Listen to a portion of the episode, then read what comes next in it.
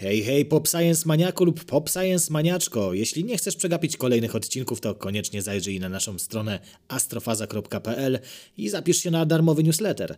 Dwa razy w tygodniu otrzymasz podsumowanie tego, co robimy w ramach astrofazy, a warto, bo dzieje się naprawdę dużo. A teraz już zapraszam na odcinek.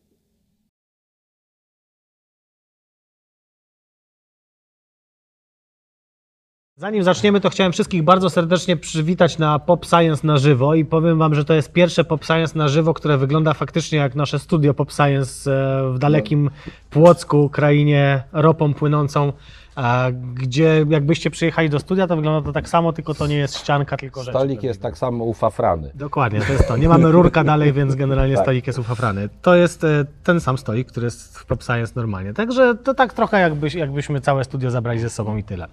Dzisiaj porozmawiamy sobie o e, przyszłości technologii różnych, o przyszłości nauki, o tym, co może nas czekać w najbliższych latach i w tych trochę dalszych latach, e, więc taki temat, e, myślę, dobrze korespondujący też e, z dniami nauki, a, no bo trochę o tej nauce jednak będziemy sobie mówić.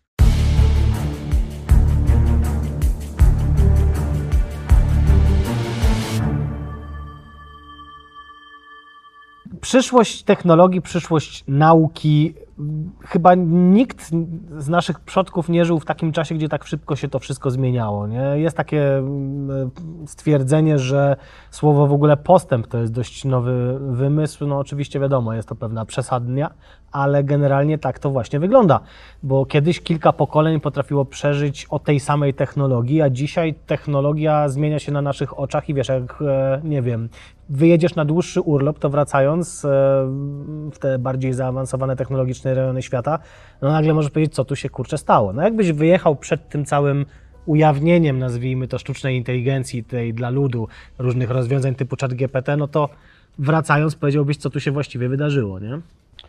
To znaczy, jeżeli ktoś trzyma rękę na pulsie, to nie wiem na jak długo musiałby wyjechać, żeby, żeby nie ogarniać, ale rzeczywiście y, też musimy brać pod uwagę to. Ja pamiętam wiele lat temu y, jedna pani znajoma skarżyła się, że skomputeryzowano kasy na dworcu PKP i nie ogarniała. Tak? I, i naprawdę był, był kłopot wielki z tym, żeby, żeby przejść e, z tych bilecików takich, takich, które się tam kasowało takim dinozaurem, tygdyk, tygdyk, do e, biletów, które normalnie były drukowane w jakichś tam na początku prostych, później coraz bardziej skomplikowanych, zautomatyzowanych systemach. Dzisiaj te systemy są takie, że kupując bilet, e, wsiadając do pociągu, to miejsce już, pociąg już wie, y, tak, skąd, dokąd będziemy jechać i, i tak naprawdę jest to tylko sprawdzanie baz danych. Konduktor sprawdza bazę danych, skanując nasz kod paskowy czy tam ten kod QR. Także to w ten sposób wygląda. Rzeczywiście postęp y, jest bardzo duży, y, eksponencjalny, to już nawet nie jest liniowy progres, tylko jest, jest strasznie taki no, y, wystrzeliwujący w górę. I to w każdym aspekcie. Ja bym się chciał skupić, tak jak rozmawialiśmy, na kwestiach astronomicznych, bo tutaj ten postęp e, e, w ciągu ostatnich no, dziesięcioleci, on był naprawdę horrendalny. E, Natomiast to, co się zadzieje już niedługo, bo dzisiaj mówimy, przypominam, o, o przyszłości, o tym, co będzie tak, w najbliższym czasie, no ale oczywiście o przyszłości możemy mówić nawiązując do, do tego, co było, więc tak, tak króciutko. A zanim przejdziemy do dalszej części odcinka, małe ogłoszenie. W Pop Science od ponad dwóch lat już w tym momencie pokazujemy Wam różnego rodzaju książki. Polecamy Wam różnego rodzaju książki. I teraz czas, aby polecić moją książkę, bo sam dołączyłem do grona autorów. Astrofaza Jak skończy się ludzkość to książka, która porusza temat końca. Jest wiele książek, które poruszają temat początku, czyli jak to wszystko się zaczęło, skąd wziął się wszechświat, skąd wziął się nasz świat i my na nim. Ale niewiele jest pozycji, które zastanawiają się nad tym, jak to wszystko się skończy. I tutaj w rozdziałach merytorycznych, bo książka podzielona jest na dwie części, rozdziały merytoryczne oraz warstwę fabularną, zastanawiam się właśnie nad różnymi zakończeniami, różnymi scenariuszami, które mogą zakończyć naszą bytność tu na Ziemi, albo nawet istnienie całej planety. A okazuje się, że wcale nie tak odległe muszą być te scenariusze, jak mogłoby się wszystkim wydawać i mogą dotyczyć nas już tutaj i teraz. No, chociażby nieograniczone, niekontrolowane rozwijanie sztucznych inteligencji. To może w pewien sposób przyczynić się do tego, że już nie będziemy dominującym gatunkiem na naszej planecie. Więc o tym są rozdziały merytoryczne. W rozdziałach fabularnych rzucam was w wir jednego z takich scenariuszy. Wydarzenia dziejące się na Ziemi, która po prostu umiera. Przedstawione z perspektywy trzech różnych postaci, które mają różne motywacje, różne pomysły na to, jak radzić sobie w zaistniałej sytuacji. I pokazuje to też, że nawet jeśli mamy rozwiązanie, to niekoniecznie prosto byłoby takie rozwiązanie zastosować i moglibyśmy i tak nie uniknąć końca. A dlaczego właściwie mówić o tym, skoro wydaje się być to nieuchronne? Bo czasami praca garstki ludzi może nas ochronić przed tym, co wydaje się być nieuchronne, przed końcem. Chociażby ludzie pracujący przy misji DART, która odchyliła torloty asteroidy, czy Osiris Rex, która taką asteroidę badała. To wszystko może w przyszłości zaowocować tym, że unikniemy losu dinozaurów. W tej książce macie więc de facto dwie książki, bo z jednej strony rozdziały merytoryczne, czyli coś takiego jak odcinki astrofazy, a z drugiej strony rozdziały fabularne. I wszystko skonstruowane i oznaczone w ten sposób, że możecie sobie czytać albo jedno i drugie naraz, albo najpierw jedno, potem drugie, lub tylko jedno z nich. Książkę można zamówić tylko przez internet na stronie astrofaza.alt.pl. Tutaj macie link.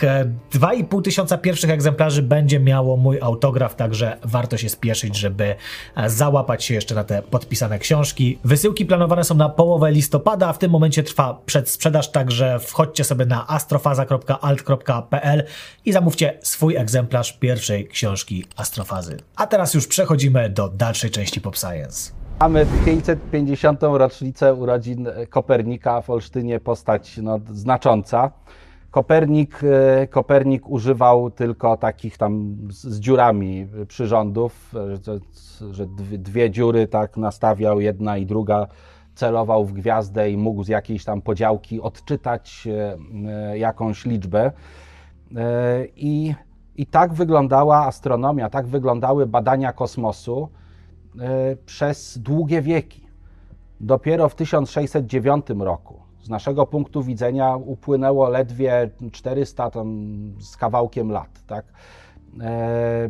Dopiero wtedy Galileusz jako pierwszy wykorzystał du niedużo wcześniej e, wynaleziony przyrząd, perspektywę, lunetę, mhm. wykorzystał do obserwacji astronomicznych i e, pokazał, że, że to, co możemy zobaczyć na niebie, to gołymi oczami to jest tylko namiastka tego, co jest tam dostępne. E, naprawdę niedługo później Newton wymyślił teleskop zwierciadlany. No i te teleskopy budowano, coraz większe i większe, ale to znowu trwało kolejne dziesiątki, nawet setki lat. Yy, tak naprawdę te teleskopy stawały się coraz większe, ale były wciąż mało doskonałe. Dopiero e, no, w latach dwudziestych... powiedzieć, no generalnie jeżeli chodzi o Galileusza i jego obserwację Saturna, to wiesz, opisywał tę planetę jako coś, co ma mniejsze planety albo uszy, bo nie był tak. w stanie tam pierścieni dokładnie Tak, zobaczyć. no chwilę później, chwilę, no znowu, kilkadziesiąt lat później Galileusz e, skonstruował e, kilka teleskopów, w tym no do dzisiaj rekord, najdłuższy, teleskop o najdłuższej ogniskowej, 49 metrów. To i on też nie widział Saturna. Dopiero parę lat później Christian Huygens zobaczył, że to są pierścienie, czy może inaczej, zinterpretował ten obraz, że są to pierścienie. Ale wracając do teleskopów, dopiero w latach dwudziestych oddano e, stucalowy teleskop na górze Mount Wilson, ten sam, którym e, mm, Edwin Hubble e, rozpoczął swoje obserwacje. Dzięki temu był w stanie pomierzyć odległości do do innych galaktyk i dodatkowo był w stanie stwierdzić, że wszechświat się rozszerza, no bo z widm tych galaktyk y, wywnioskował, że pewne aspekty widmowe, konkretnie doplerowskie przesunięcie, że to jest doplerowskie, tak? że to jest efekt Dopplera, czyli wynika z faktu, że galaktyka się od nas oddala. Tu, tu warto wyjaśnić tym, którzy e, nie wiedzą, czym jest efekt Dopplera, że jak coś się do nas zbliża, emituje jakieś promieniowanie elektromagnetyczne, jakąś falę, to ta fala ulega kompresji, czyli na przykład jak karetka się zbliża do nas, to słyszymy no to wyższy jest, to dźwięk. To jest fala akustyczna, ale to jest no, dobry. No tak, ale, to, ale przykład generalnie jest dobry, więc tak. słyszymy sobie dźwięk wyższy, a w momencie, kiedy nas mija, on zaczyna być coraz niższy, bo ta fala się rozciąga i dokładnie to samo dzieje się ze światłem.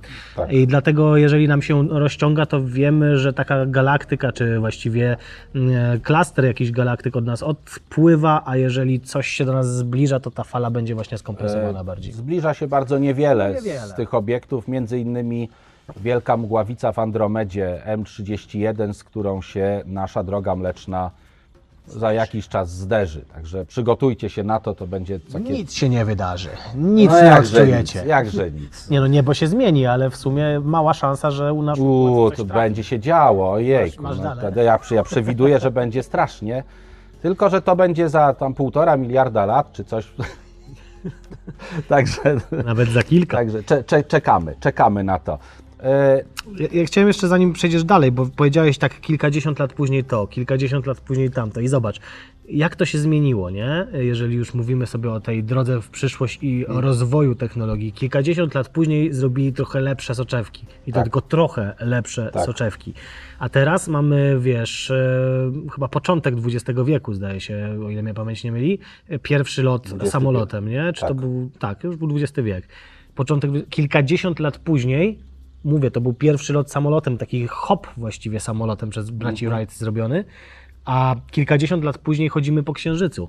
To jest dopiero postęp, nie? I, i to pokazuje, jak to przyspiesza właśnie to, o czym Kilkadziesiąt lat później chodzimy na Księżycu i kolejne y, kilkadziesiąt lat później wciąż nie możemy wrócić na ten Księżyc. Ale robimy inne rzeczy. Ale o planach też sobie powiemy, bo to jest jeden z tych programów, które no, są realizowane i miejmy nadzieję, że, że będą realizowane, że to się wydarzy za, za dokładnie tak dwa lata. Za dwa lata jesienią y, prawdopodobnie astronauci staną na Księżycu. Za dwa lata jesienią dowiemy się, kiedy będzie ten przesunięty termin. No chyba, że, chyba, że. Ale wracając do tej, do tej astronomii. E, y, krótko przed y, II wojną światową, y, w 1930 roku, dopiero wtedy odkryto, że y, z, z zewnątrz, spoza Ziemi, docierają do nas fale radiowe. Z kosmosu różne zjawiska astrofizyczne y, działają w ten sposób, że w ich wyniku powstają fale nie tylko w zakresie świetlnym, ale także y, fale radiowe, bardzo długie fale radiowe. I y, zaczęły się obserwacje. Po wojnie te obserwacje bardzo przyspieszyły i w latach 60., no mniej więcej wtedy, gdy program y, Apollo był realizowany, to radioastronomia była tym y, absolutnie napędowym dla astronomii takim, takim y, silnikiem, tak powiem. I ciągnęła astronomię. Wtedy odkryto w połowie lat 60., na, znaczy najpierw kwazary, potem y, odkryto pulsary, krótko potem takie zjawiska, o których też tam przy którymś, przy którymś y, y, programie Pop Science mówimy, czyli kosmiczne masery. Więc odkryto nowe bogactwo zjawisk i obiektów w przestrzeni kosmicznej dzięki postępowi, ale to wydaje się, że to się zatrzymało. I e, tak naprawdę budowano coraz większe teleskopy. Zbudowano jeszcze w latach 40. e, taki teleskop, e, mówiono na to leciwa dama. To jest teleskop o średnicy 5 metrów. I wyobraźcie sobie, jak, jak, mamy, jak mamy lornetkę, tak? No to też trzeba wytłumaczyć, do czego używa się teleskopów i po co. Boję się, co powiesz. bo, no, to różne sprawy, tak? Różne sprawy. E, e, jeżeli mamy, jak mamy lornetkę, no to y, ona jest zbudowana generalnie tak jak każda luneta taka z, z, z, z refrakcyjna, jest zbudowana z e, obiektywu, czyli tego miejsca, gdzie światło wlatuje, i okularu, czyli tego miejsca, które mamy przy oku, tak? albo jakikolwiek inny detektor tam się znajduje. I obiektyw, e, zauważcie, że obiektyw e, zawsze jest większy niż średnica naszego oka. I to jest kluczowe, dlatego że my musimy budować taki instrument, i to za, za chwilę ta wiedza się przyda, żeby też ogarnąć to, co jest w planach, to, co będzie w przyszłości. I to już takiej bardzo, bardzo bliskiej przyszłości. E, ta średnica powoduje, że mamy większą powierzchnię, przez którą docierają do nas fotony. A fala elektromagnetyczna to są fotony. Obojętnie, czy to są fale radiowe, czy, czy światło, czy podczerwień, czy, czy promieniowanie gamma, to wszystko są fotony i my chcemy tych fotonów jak najwięcej zebrać. Więc im większa będzie dziura, tym więcej tych fotonów zbierzemy. Im większa dziura, czyli ten obiektyw, tym czulszy jest nasz instrument, i tutaj odwołuję się do, e, do Waszego doświadczenia podczas, podczas zasypiania. Jak kładziemy się wieczorem i poczytamy jeszcze trochę książkę, mam nadzieję, że to do książek też będziemy nawiązywać, kilka przywiozłem, e, i, i skończymy czytać i wyłączymy światło, to pierwszy efekt jest taki, że jest zupełnie ciemno. Po czym zaczyna nam się robić, jakby świat nam zaczyna objawiać te kolejne szczegóły, czyli zaczynamy widzieć jakieś meble, jakieś zarysy, coś takiego. Jest to związane z faktem takim, że nasze oko przystosowuje się, adaptuje się do ciemności, powiększa się nasza źrenica. Można kota poobserwować, pomęczyć kota wieczorem z latarką, tak, i zobaczyć, jak to oko mu tam szaleje albo siebie w łazience, tak, włączyć, wyłączyć i możemy to zobaczyć. Więc większa dziura, więcej światła, więcej szczegółów, bardziej czuły wzrok. I tak samo jest e, w astronomii. Większa większa średnica tego, tego e, łapania fotonów, tym, tym obraz e, będzie jaśniejszy, wyraźniejszy. Ale my to jeszcze mamy, wiesz, dwie matryce de facto, nie? Wokół. Jedna no, ta tak. kolorowa, druga ta czarno-biała, która właśnie jest na światło bardziej czuła i to ona się mhm. włącza, mhm. a że to jest chemiczne też troszeczkę, to, to trochę musi potrwać, zanim się no, przystosuje. Ale tak jak mówisz, no im więcej światła, to, to, to też widać przy badaniach. Jak nam na przykład w jasnym mhm. pomieszczeniu rozszerzają e, kroplami rozźrenicę, to nagle się wszystko robi po prostu za jasne tak, i mózg tego nie kompensuje. Zaczyna, zaczyna boleć, tak, to mm -hmm. jest tak przy, przy, tych badaniach, tak to wygląda. Więc, Ale zasada działania to więc, więc po to są potrzebne y, coraz, coraz większe teleskopy i coraz większe są budowane. Mówiłem o tym teleskopie Mont Palomarskim, 5 metrów średnicy. Teraz po, porównajcie sobie zwykłą lornetkę, która ma te, te yy, obiektywy, nie wiem, tam 4 czy 5 centymetrowe, i pięciometrowy teleskop o tak wielkiej średnicy. Jaka jest gigantyczna, gigantyczna różnica. E, a dzisiaj e, największe teleskopy, które są e, na Ziemi i działają, największy teleskop ma średnicę 11,5 metra, natomiast i wciąż działa, tak, i, i, i przynosi rezultaty. Już nie będziemy chyba mówić o tych technologiach, bo tam, jest, tam są technologie. No, e, zwłaszcza w tych nowych teleskopach. Aktywna, adaptatywna, to są teleskopy, które są po prostu cudami techniki i nie mogłyby pracować bez czegoś, o czym też będziemy mówić, czyli bez technik przetwarzania e, cyfrowego, bez, bez komputerów, mówiąc krótko. E, no i skoro już przy tym jestem, no to dwa projekty, które są obecnie realizowane. E, bo mówiłem 11,5 metra, największy teleskop. E, budowany jest teleskop, e, teleskop Galileusza. To jest taki cztero, z czterema zwierciadłami, który będzie miał taką no, powierzchnię, cztery zwierciadła po, zdaje się, 13 albo 14 metrów. Tylko, że to jest daleka przyszłość. Ale dwa teleskopy są już budowane. Jeden w Chile, I to, jest, I to jest ekstremalnie wielki teleskop budowany przez, e, przez Europejskie Obserwatorium Południowe. Konsorcjum. E, tak, to jest konsorcjum, ono się nazywa Obserwatorium Południowe, ale no tam należy Polska. My płacimy składki do tego konsorcjum i korzystamy z tych teleskopów. I jest już w budowie, już taki szkielet tej kopuły stoi, bo niedawno miał miejsce E, zjazd Polskiego Towarzystwa Astronomicznego w Toruniu. Oj, widzieliśmy zdjęcia. 41 zjazd. Niestety nie mogłem ze względu na stan, nie mogłem tam się udać. Natomiast e, e, był dyrektor tego przedsięwzięcia jako taki wirtualny mówca i do zgromadzonych uczestników przemawiał. No ale teraz uwaga.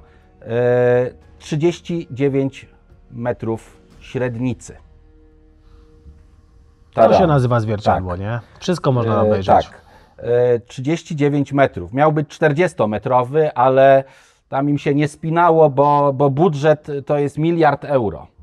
Nie milion, miliard. miliard euro na budowę i on już jest, jest bud- budowany. W 2027 roku ma zostać ukończony i ma być, to się mówi, pierwsze światło, czyli pierwsze, pierwsze obserwacje mają zostać e, zarejestrowane tym teleskopem. No i, I teraz- potrzebna jest właśnie ta technologia, o której powiedziałeś, bo to Tak. jest też coś takiego, co się aktywna pojawiło. technologia Czyli aktywna. zwierciadło jest odkształcane tak, żeby kompensować to, w jaki sposób faluje atmosfera, bo inaczej byśmy mieli i tak e, rozmyte tak naprawdę m, e, obrazy przestrzeni kosmicznej. No, bo, wiesz, Tak, fotony tutaj, by były to, tu znowu, znowu wyjaśnienie. Y, Wszystko jest optyką geometryczną i gdy y, światło przechodzi przez jakiś ośrodek, ośrodek optycznie gęsty, o taką, taką płytę, tak, no to, to nie widać. Jeżeli będzie to ośrodek o, optycznie cienki, no to światło przechodząc z jednego ośrodka do drugiego ulega, ulega y, ugięciu. Na przykład szklanka i zobacz, A myślałem, że chcesz, żebym ci wody nalał. Nie, i fascynujące to jest twoja szklanka, a fascynujące jest to, że zobacz, szklanka jest nawet grubsza niż ta płyta, a jednak przechodzi przez Tak, nią światło. przechodzi przez nią światło i y, ulega odkształceniu. I nasza atmosfera jest taką masą szklanek, które bez przerwy się poruszają. I to światło przechodząc ulega odkształceniu. Oczywiście nie jest to wielkie odkształcenie, ale ono powoduje, że na niebie ten obraz gwiazdy, on bez przerwy tak się porusza, scintyluje, tak?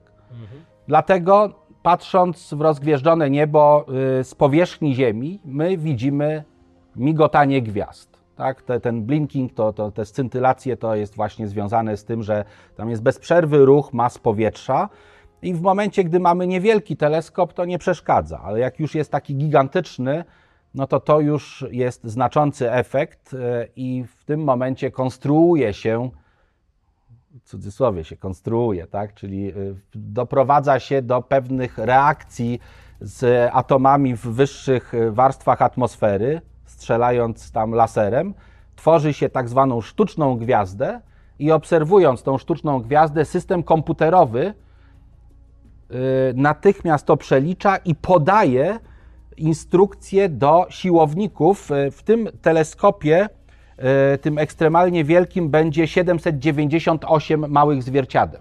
798 elementów i one będą się wszystkie ruszać w tempie milisekundowym, po to, żeby kompensować y, właśnie atmosferę.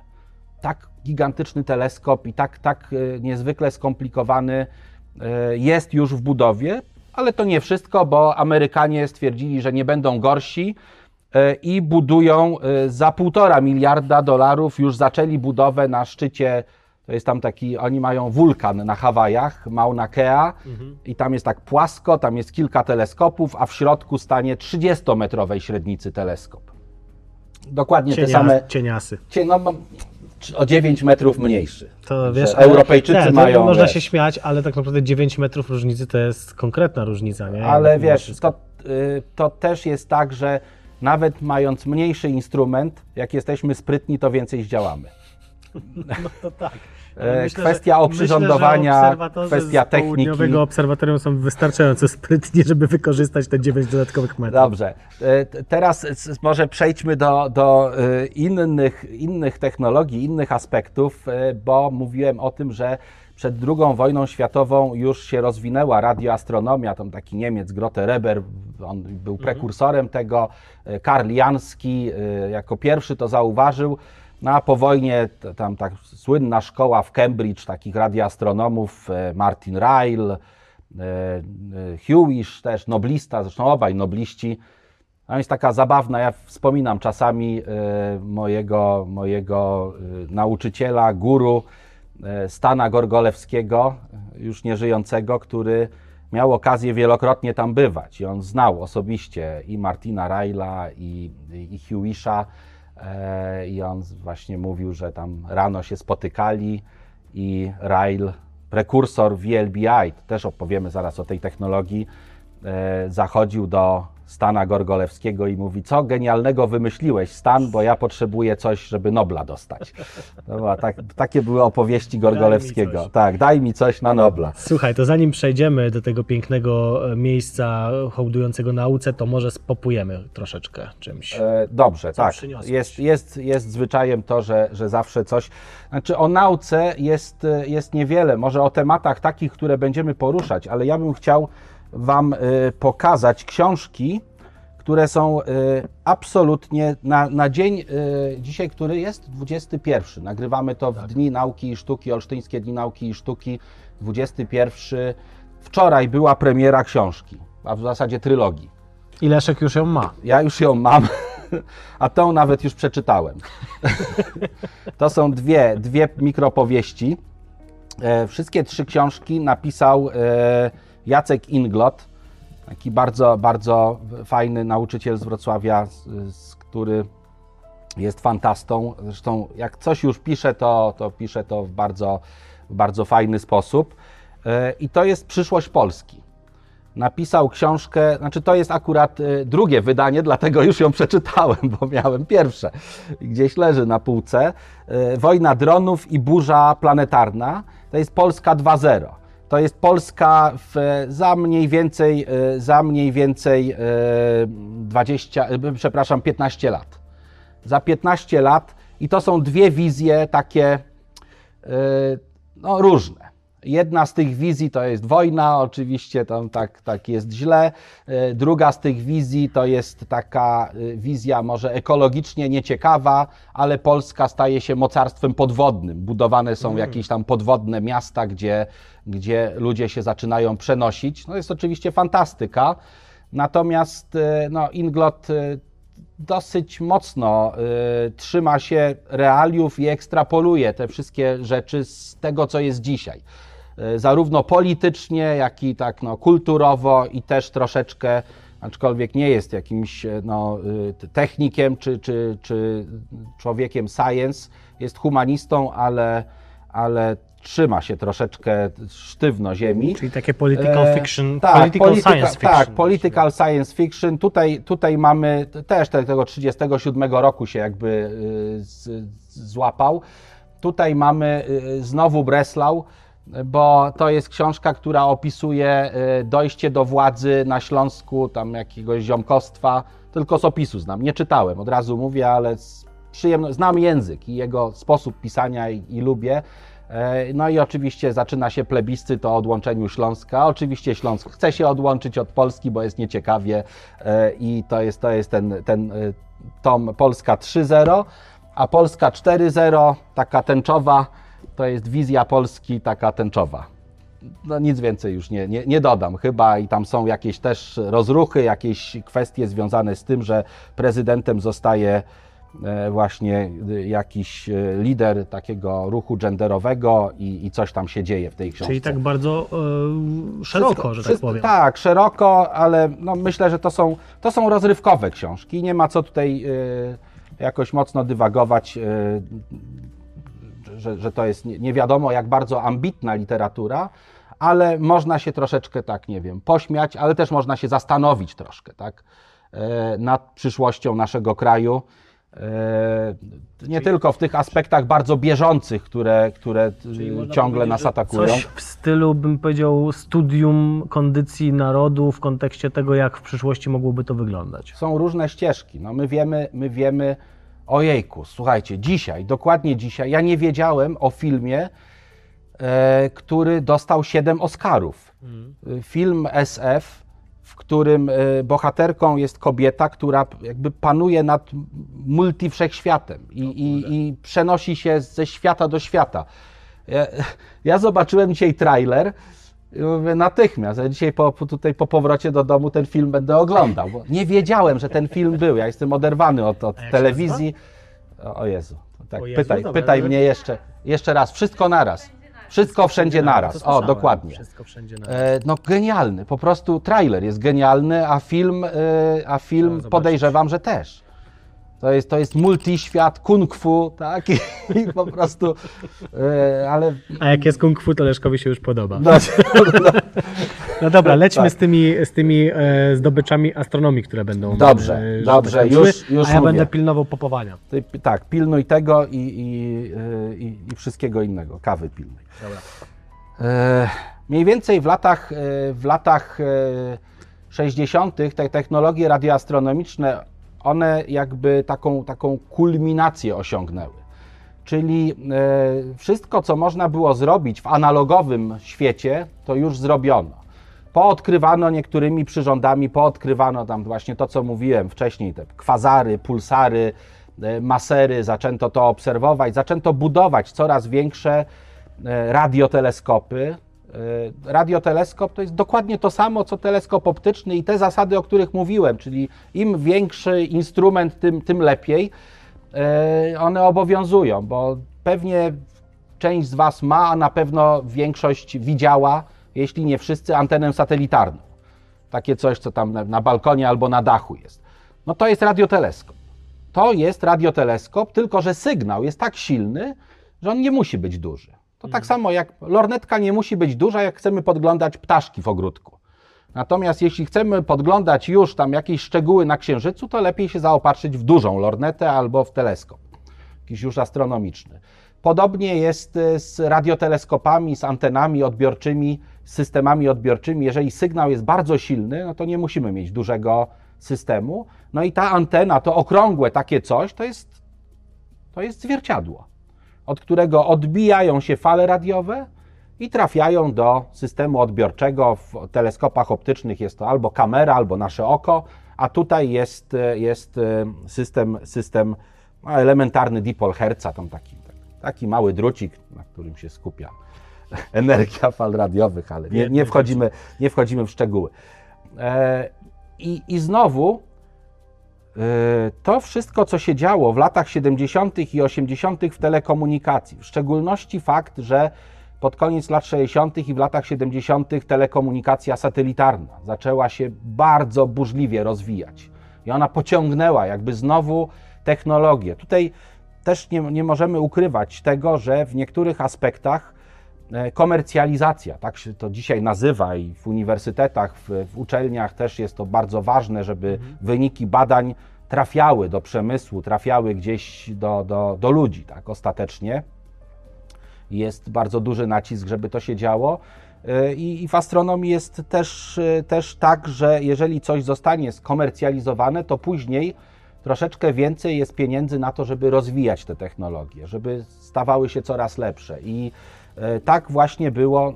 Komercjalizacja, tak może mniej ciekawe, ciekawe są wojny bo radioastronomię y, II wojna światowa popchnęła do przodu horrendalnie, tak? bo się bardzo mocno rozwinęły technologie radarowe. E, A radary no to są urządzenia, które emitują promieniowanie radiowe, krótkofalowe i anteną odbierają echo, czyli to, co się odbije, wraca do nas, jest, y, jest y, źródłem naszej wiedzy o tym, czy tam coś jest, czy jakiś samolot leci, czy coś się dzieje Czy chiński balon? czy chiński balon, tak. E, kupię talon na balon. Chiński. E, chiński. E, więc e, po, po II wojnie światowej ta technologia była rozwinięta, było sporo techników, którzy byli do zagospodarowania i w ten sposób rozwinęła się bardzo mocno radioastronomia. Ona znowu troszkę przystopowała, ale zaczęła się znowu rozwijać. W astronomii optycznej też przełomem było to, że w latach 70. rozwinęły się technologie CCD, czyli e, rejestracji obrazu przy pomocy elementów takich ma- matryc półprzewodnikowych. No, dzisiaj, Wcześniej dzisiaj, robili zdjęcia i wywoływali i sprawdzali. no oczywiście, no, wcześniej, przed II wojną, w latach tam 20., 30., normalne y, klisze, czy, czy specjalnie przygotowywane, posmarowane materiałem światłoczułym, y, szklane tak, płyty były wykorzystywane. Y, Później troszeczkę te technologie się pozmieniały, a już od końca lat 70. normalne stały się te przetworniki CCD.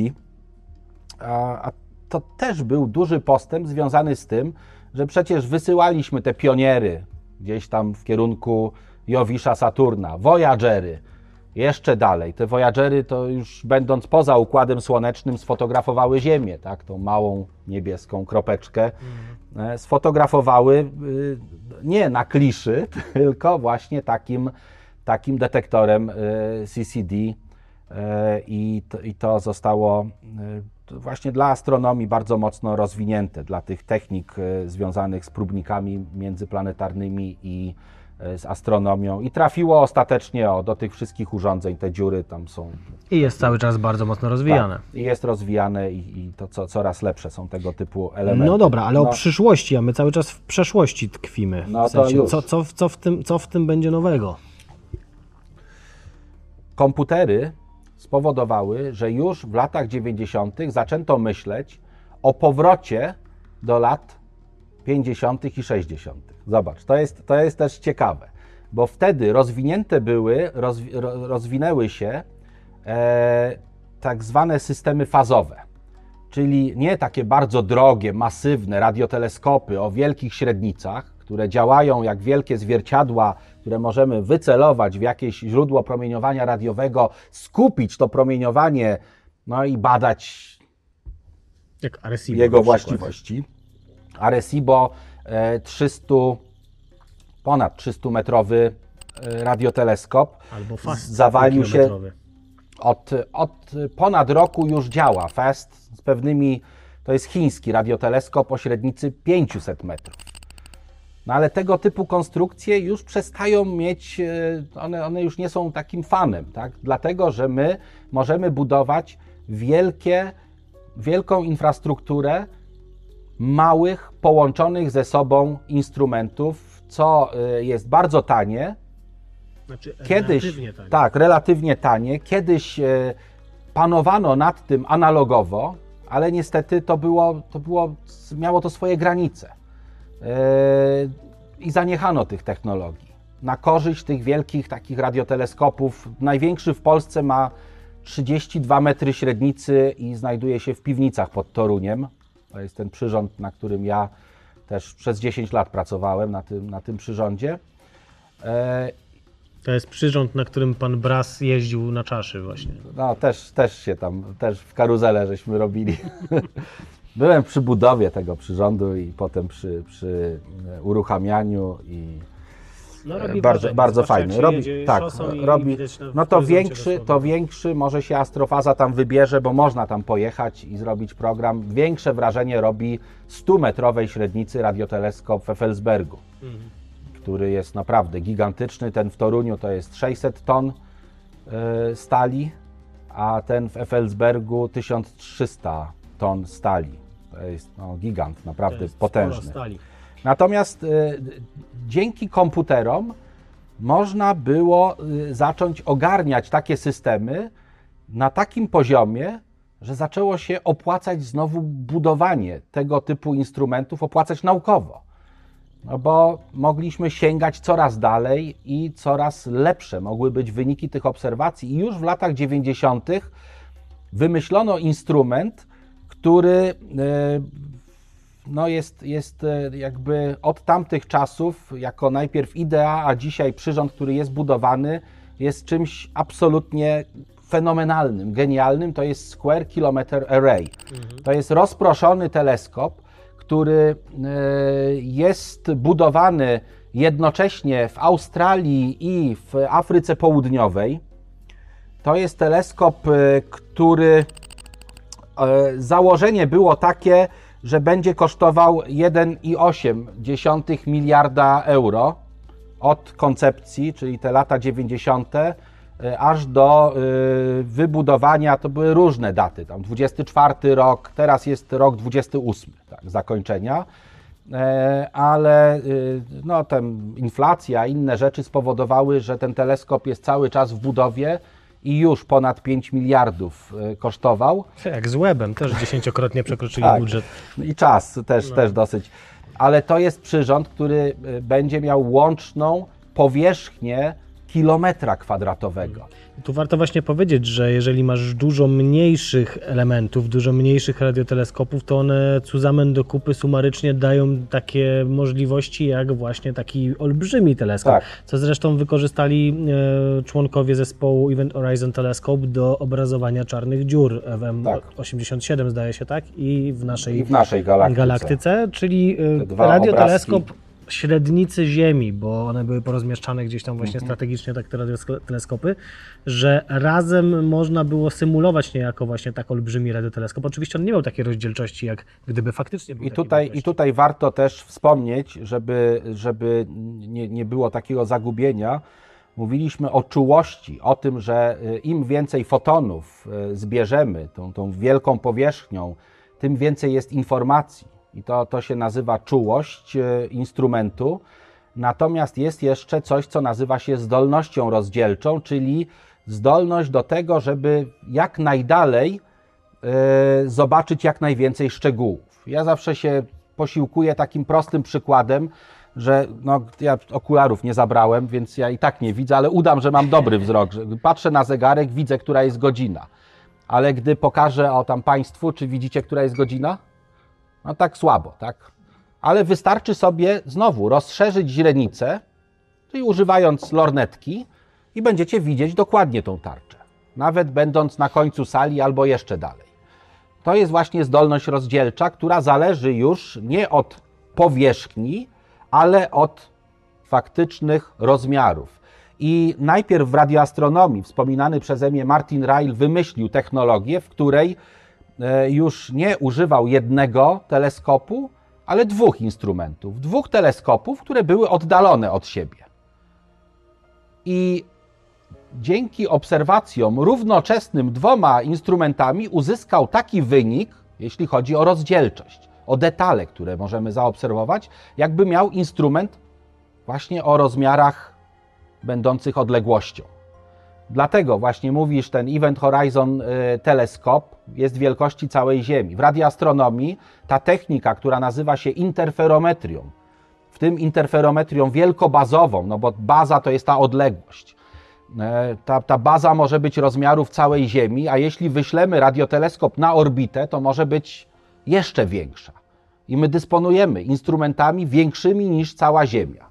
No tak, tylko tutaj warto od razu zaznaczyć, że to nie jest tak, że możemy sobie teraz na drugi mm, koniec Układu Słonecznego wysłać jakiś tam instrument, No. na drugi i nagle mamy niesamowicie wielki radioteleskop, bo ta rozdzielczość pomiędzy nimi będzie musiała być trochę wymyślana przez algorytmy, nie? To jednak będzie sporo dziur, które trzeba będzie jakoś załatać i im większa jest ta, im Tak. mniej masz tych radioteleskopów pomiędzy, tym tak naprawdę te dane mają większą szansę. No na to już są, to już są jakby szczegóły uzyskiwania informacji. e, I rzeczywiście im, im więcej instrumentów, im bardziej to jest zapełnione, tym większa jest czułość. No i jednocześnie ta zdolność rozdzielcza pozostaje bardzo duża. E, I to wykorzystujemy właśnie w instrumentach takich jak te phased array, te fazowe teleskopy, że, gdzie jest mnóstwo przyrządów małych, relatywnie tanich, porozrzucanych na dużym obszarze, e, które e, symulują duży instrument taki jak wielkość tego obszaru. No, może nie do końca, ale powiedzmy, umówmy się, że, taki, że, że tak, że tak to, to może wyglądać. No i y, jest to przede wszystkim tańsze, ale żeby panować nad tym sygnałem, no to my musimy zaprzęgać do tego, bo tu mamy jeden radioteleskop i jeden kabel i jeden sygnał, tam w piwnicach, tak? Jest jeden gruby kabel od teleskopu do jakiegoś tam, do budynku, gdzie jest ten control room, duże szyby, widać, zresztą znasz to miejsce y, bardzo dobrze, bo bywałeś tam. Można zobaczyć w internecie, tak, wpisać Centrum Astronomii. I, i po... Jest też Teleskop Live, tam oni mają stronę swoją, gdzie na żywo widać, Na co Facebooku teleskop robi. Tak.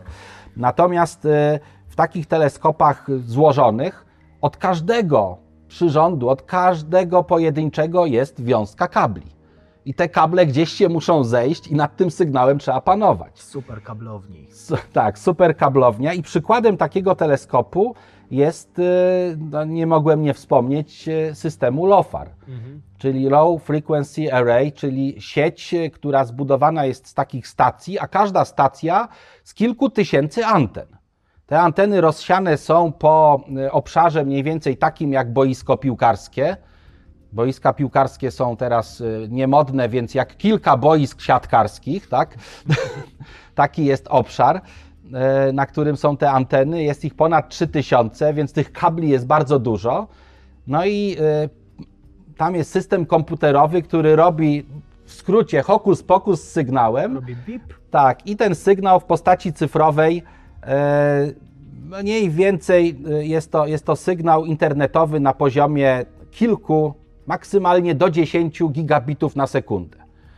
Ja jak uruchamiano LOFAR y, w Olsztynie, tą naszą stację i zapytałem chłopaków z Olmanu, tak, czy to dużo, czy mało? On mówi, no to jest mniej więcej, to sporo, to mniej więcej tyle, ile całe miasteczko akademickie zużywa, tak? Taki jest ruch całego miasteczka A akademickiego. wiemy, że studenci bardzo e, chętnie używają internetu i Ściągają, ściągają różne ściągają. pliki, także generalnie, Tak. jak widzicie, jest sporo E, tych danych. Tak, tych danych jest bardzo dużo. No i tutaj zaczyna się problem, y, problem big data. Tak? Tu zaczyna się problem z tym, że tych danych jest, może być aż za dużo.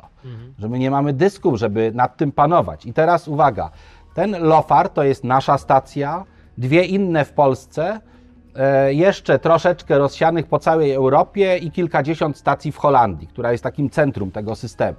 Łącznie teraz mamy ponad 50 stacji. Jeżeli nasza produkuje sygnał, produkuje w cudzysłowie sygnał 10 gigabitów na sekundę i każda inna podobny, no to co do tych korelatorów, do tych wielkich komputerów dociera? Można sobie policzyć, jak dużo jest to informacji, jak potężne muszą być komputery. Czyli co, dzisiaj nie tyle nawet problemem jest e, liczba odbiorników, co właśnie to i to będzie coś, co przyszłość będzie musiała rozwiązać, co Tak. ogarnianie tych danych olbrzymich, E, nas, na naszej stacji, stacji w, e, tej, e, w Bałdach pod Olsztynem jest 40 km kabli koncentrycznych. I teraz wracamy do SKA. Ta główna część będzie w Australii. E, tam Square Kilometer Array. Square Okej. Kilometer Array 2028 rok, otwarcie całego systemu. Być może tak będzie, no bo już części już są e, poinstalowane. Tam, gdy system będzie gotowy, to uwaga, ilość informacji, jaka będzie przez te anteny generowana e, w postaci sygnału biegnącego właśnie w internecie, będzie, jak się szacuje, mniej więcej 10 razy większa niż cały ruch w światowym internecie. I w Darknecie. 10 razy większa niż ruch dzisiejszy w światowym internecie. E, 80 tysięcy kilometrów światłowodów, tak? Tam są tego typu, tego typu wartości, jeśli chodzi o, o, o ilość oprzyrządowania, a to tylko medium, w którym e, ten sygnał będzie biegł. Także ten teleskop e, myślę, że odmieni nasze, nasze spojrzenie na wszechświat, że to, co do tej pory my się podniecamy w astrofazie, ty się podniecasz tym e, webem, tak, teleskopem weba, bo tam coś zobaczył. No właśnie, widzę.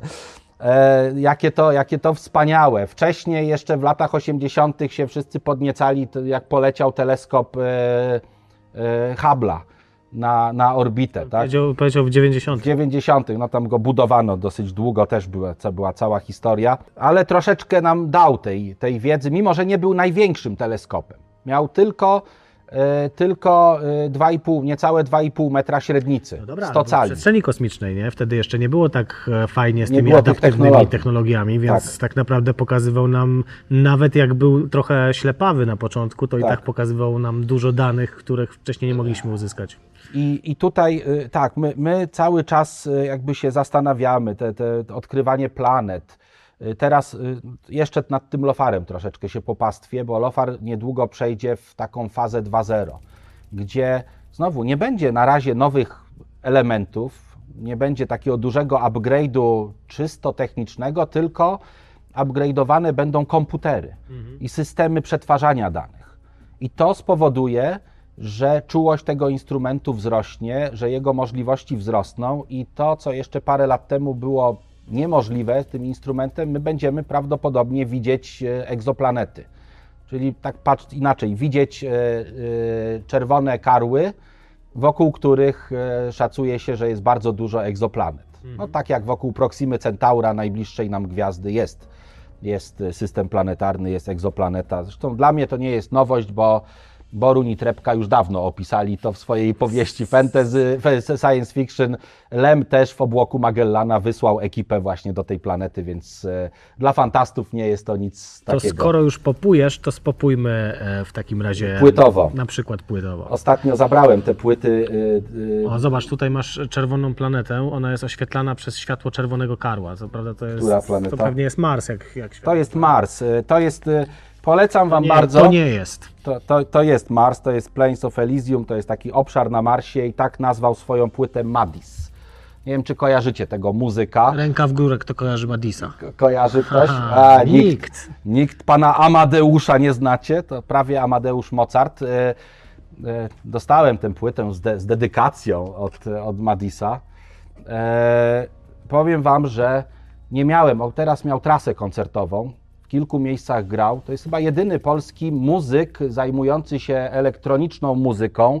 Gra e, no, taki ża, żaropodobny, tak? Bardzo dynamicznie, bardzo fajnie, ale przede wszystkim jego koncerty są niezwykle i wizualnie i, i tak no e, te, te, te dymy, tak, są światła, są widowiskowe. No i ma laserową harfę. No i ma taki, taki też przyrząd, taki, taki dotykowy do grania, y, ma to, też to oprzyrządowanie takie efekciarskie, tak? bo to, to nie, nie, nie powiększa, nie, nie zwiększa jakości e, tego, no, ale co jak idziesz daje. na show, to już to wygląda ale tak, naprawdę ale bardzo fajnie. koncerty są wspaniałe, tak powiem y, tylko ten półgębkiem, że na wiosnę być może uda się go tutaj do Olsztyna, tak, y, ściągnąć, już tak parę słów, y, jeszcze nie ma terminów, ale będę się starał, żeby, Są rozmowy. żeby tak, żeby to może się uda. To jak będziecie mieli Bardzo okazję, fajnie to sobie gra. posłuchajcie. To jest jego najnowsza płyta. Ona się ukazała zupełnie niedawno, e, a rok wcześniej ukazał się album dwupłytowy Madisa Sale. Troszkę inne klimaty, bardzo, bardzo taka pusto, nie? nic nie ma w środku. Minimalizm. Tak, nic nie ma, jest jedna tam wrona jakaś, czy ta, nie, jak to się nazywa? To jest mewa. Mewa. No ja nie jestem biologiem, więc się nie znam. Ja też nie jestem, a wiem. No dobra, W każdym razie, udawałem, że w nie wiem. każdym razie y, na koncercie Madisa miałem okazję być i naprawdę serdecznie, z całego serducha Wam polecam, No, bo to jest żar. takie przeżycie, nie? Tak. Takie, taki żar, ale nie do końca, wiesz, jakby wiadomo, żar to wymyślił, on jest jakby prekursorem, natomiast myślę, że Madis całkiem przyzwoicie... Zapełnia duże sale, Tak, to jest dokładnie. inaczej. Całkiem przyzwoicie temat za. Zapełnił kilka dużych sal y, i to nie takich jak u nas te koncerty, y, że, że planetarium 160 miejsc nie zawsze jest pełno, nawet jak Józef Skrzek przyjeżdża, Ale jak jest Madis, to jest pełno. a jak będzie Madis, to może będzie pełno. No dobra, Co, coś jeszcze masz coś? A jeszcze, coś, mogę, dawaj, jeszcze mogę coś? Jeszcze możesz. O przyszłości to te dwie płyty zostaną, Tak. a ja bym się chciał y, y, ten, chciałbym Pochwalić. zachęcić, pochwalić, bo jest przegenialna płyta. Ja byłem na koncercie, o tym mówiłem. Przegenialna. Road, Alice Cooper. To jest po prostu, to jest, e, no nie powiem, że Bóg roka, ale to jest e, człowiek, który tego roka rozkręca i z płyty na płytę jest lepszy, mimo że ja nie wiem ile on już ma ze 100 lat Przynajmniej. ale cały czas jest znakomita. Ta płyta jest znakomita. Ja miałem, to znaczy album dwupłytowy. Po prostu się ten, położyłem ją na talerz, włączyłem i mówię, co to jest za paralityk? A okazało się, że te dyski są 45 RPM, a miałem na 33 ustawione. Sam już powiedziałeś, że ma jest. Cudowna płyta, cudowna płyta, polecam bardzo. E, Są te, są jego przepis na sukces. E, W trzech punktach, to tylko tak podam dla Was. Na sukces Rockmana. Zawsze bierz kasę. Zawsze bierz kasę. Po trzecie, bierz kasę. A jak już zbierzesz, to umrzesz mając 27. Jeżeli ktoś jest w roku, to, to jest jego czarny humor. Tak? Ale No, jemu on się jest- nie udało dołączyć do klubu. no nie 27, udało mu się, za, za późno zaczął. Chyba jego No, przepis nie jest do końca zaczął. dobry. No dobra, słuchajcie, to co, Wracamy, dalej. wracamy, tak. Czyli e, co? Czyli może tak podsumowując i tak dalej, inne instrumenty, e, podsumowując największym wyzwaniem w tym najbliższym, bo na razie jesteśmy w tym najbliższym czasie, jeżeli chodzi o Mhm. przyszłość nauki i astronomii, e, największym wyzwaniem będzie mm, tak naprawdę obróbka danych. e, Jeśli chodzi o s- Jeżeli SKA, ty mówisz, że wiesz, że SKA będzie produkował tyle informacji, co cały Tak. internet, no to wyobraź sobie, żeby z tych liczb wyciągnąć coś sensownego. Wejdźcie w Google i wyciągnijcie coś sensownego. To już jest wyzwanie. Tak. A co dopiero ale oni chyba przewidzieli i dopiero przesuwają to, bo wiedzą, że, że tutaj sztuczna inteligencja y, chyba będzie pomagać, tak? I na pewno, no dzisiaj, dzisiaj w obróbce danych już y, jest to te, te sieci, sieci neuronowe są wykorzystywane bardzo mocno. Pewnie o tym też będziemy mówić już za chwilę, ale pij się wody, bo zaschniesz. Mam jeszcze to, tutaj to coś. E, Natomiast e, Jeszcze raz wrócę. Podniecasz się tym webem. A co powiesz o y, Nancy, Nancy, y, jak to ja pisałem, ten Roman Space Telescope. Nancy Roman Space Telescope. Też jest data przy tym przedsięwzięciu 27 rok. To jest teleskop podczerwony, który też ma być gdzieś tam na jakimś takim w punkcie Lagrange'a, gdzieś umieszczony. Y, Nie wiem, przyznam szczerze, że nie wiem, no jak, jak są posunięte prace przy tym teleskopie. On ma być mniejszy, 2,5 metra średnicy. Czy coś już się dzieje? Taki Hubble w podczerwieni. Tak. Wiesz to nie wiem, szczerze mówiąc, czy coś się dzieje, czy się nie dzieje. No cały czas się coś dzieje, a pytanie, jaka jest dynamika e, prac tak naprawdę nad nim. No nie słyszałem ostatnio, żeby mieli przesuwać datę, więc wydaje mi się, że jest okej. nie? No on jest mniejszy, więc nie będzie tyle kłopotów, bo poleci w jednym kawałku. E, Jest tyle kłopotów, e, nie będzie tyle kłopotów, co z tym webem, który musiał tam dolecieć, rozwinąć się, jeszcze to wszystko, napompować te materace pod spodem, A różne jak rzeczy. jesteśmy już przy tych radiotele, radioteleskop, przy teleskopach optycznych kosmicznych tak naprawdę, bo Mhm. to, to jest ważne, że one są kosmiczne, e, to też Louvois, Louvois, jak ktoś, niektórzy czytają, prawda, to ma być też taki następca, czy też uzupełnienie Weba, tylko ma on pracować w zakresie promieniowania ultrafioletowego znowu, bo to też jest ciekawy zakres promieniowania elektromagnetycznego do obserwacji e, astronomicznych, też całkiem sporo informacji na temat odległych jakichś układów, odległych e, zjawisk w przestrzeni kosmicznej jesteśmy w stanie e, na tym paśmie sobie uzyskać.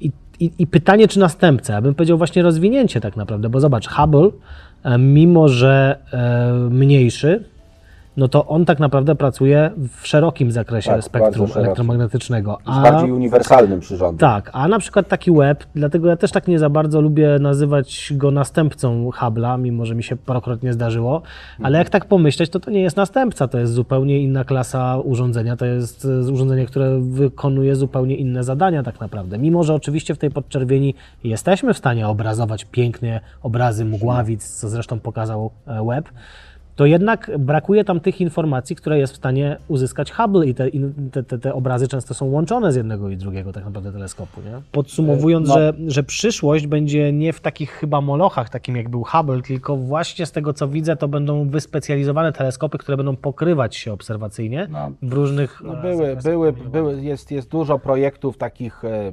mikroobserwatoriów, jakiś tam UV-SAT, ten polski, który, który no, on zaowocował jakimiś pracami, ale w kosmos nie poleciał. Natomiast no, Chińczycy budują i ja też jakby widząc jaka jest dynamika tego rynku, to oni pewnie go wyślą i to szybciej niż inne przyrządy. E, Teleskop podczerwony Ariel, e, też ESA e, go buduje, europejski teleskop do detekcji planet 2029 rok ma być wysłany. Bardzo taki mocny, wielki projekt, w którym Polacy biorą udział. E, Teleskop e, rentgenowski Atyna. To jest, e, ale to dopiero lata 30. Tak? To jest dopiero początek. Tutaj dużo firm pracuje z Polski nad różnymi technicznymi aspektami. Tam jest taka astronika, która chyba astronika kiedyś. Astronika taki- generalnie bardzo dużo rzeczy tak, robi. oni tam takie siłowniki robią, to będzie w kosmosie musiało działać. Astronika to jest taka firma, którą kojarzyć możecie z penetratorów wszelakiej maści, e, które brały udział w misjach kosmicznych. Na przykład Kret os- ostatnio, Tak. taki trochę nie, nieosławiony, bym powiedział, bo on się w końcu nie wkopał na te 5 metrów, czy tam 2 metry, 5 metrów, już nie pamiętam. W każdym razie miał się pod powierzchnię Marsa wbić i tam e, za sobą ciągnąć taką taśmę, taśmę, sprawdzać przepływy. Ten instrument miał cieplne pod powierzchnią Marsa. Nie udało się, bo się okazało, że jednak e, powierzchnia była zupełnie inna niż astronice powiedziano, że będzie, no i ten instrument był skonstruowany pod inne warunki. za tak twardo. naprawdę. Za sypko było, Za wiesz? sypko. On po prostu nie był się, za sypko Znaczy, się wbijał. W sensie jak ze zasypką chcieli Za sypko to się zrobić, chcieli, tak, dokładnie. Za sypko było i jak się próbował wbić, to go po prostu ten pi- piach Okej. wypychał do góry. Dobrze. Ale też robili na przykład Mupus. Mupus to był taki penetrator, który znowu na powierzchni e, komety, której nazwy jak zwykle nie jestem w stanie Giera- Giera, tak, tak, tam, tak, Giera- tak, wymówić, e, ale w ramach misji Rosetta lądował na powierzchni tej e, rosyjsko brzmiącej komety. A tam, tam Cebek też maczał Tak, dużo, Cebek dużo zawsze za palców, stroniką tak, oni- macza palce i generalnie też miał się wbić w powierzchnię, nie, nie zdołał się wbić, ale pełen sukces, bo okazało się, że Mhm. kometa jest twarda, więc generalnie też jakieś dane są. Y, To jeszcze jeden instrument. Dajesz. Y, Liza.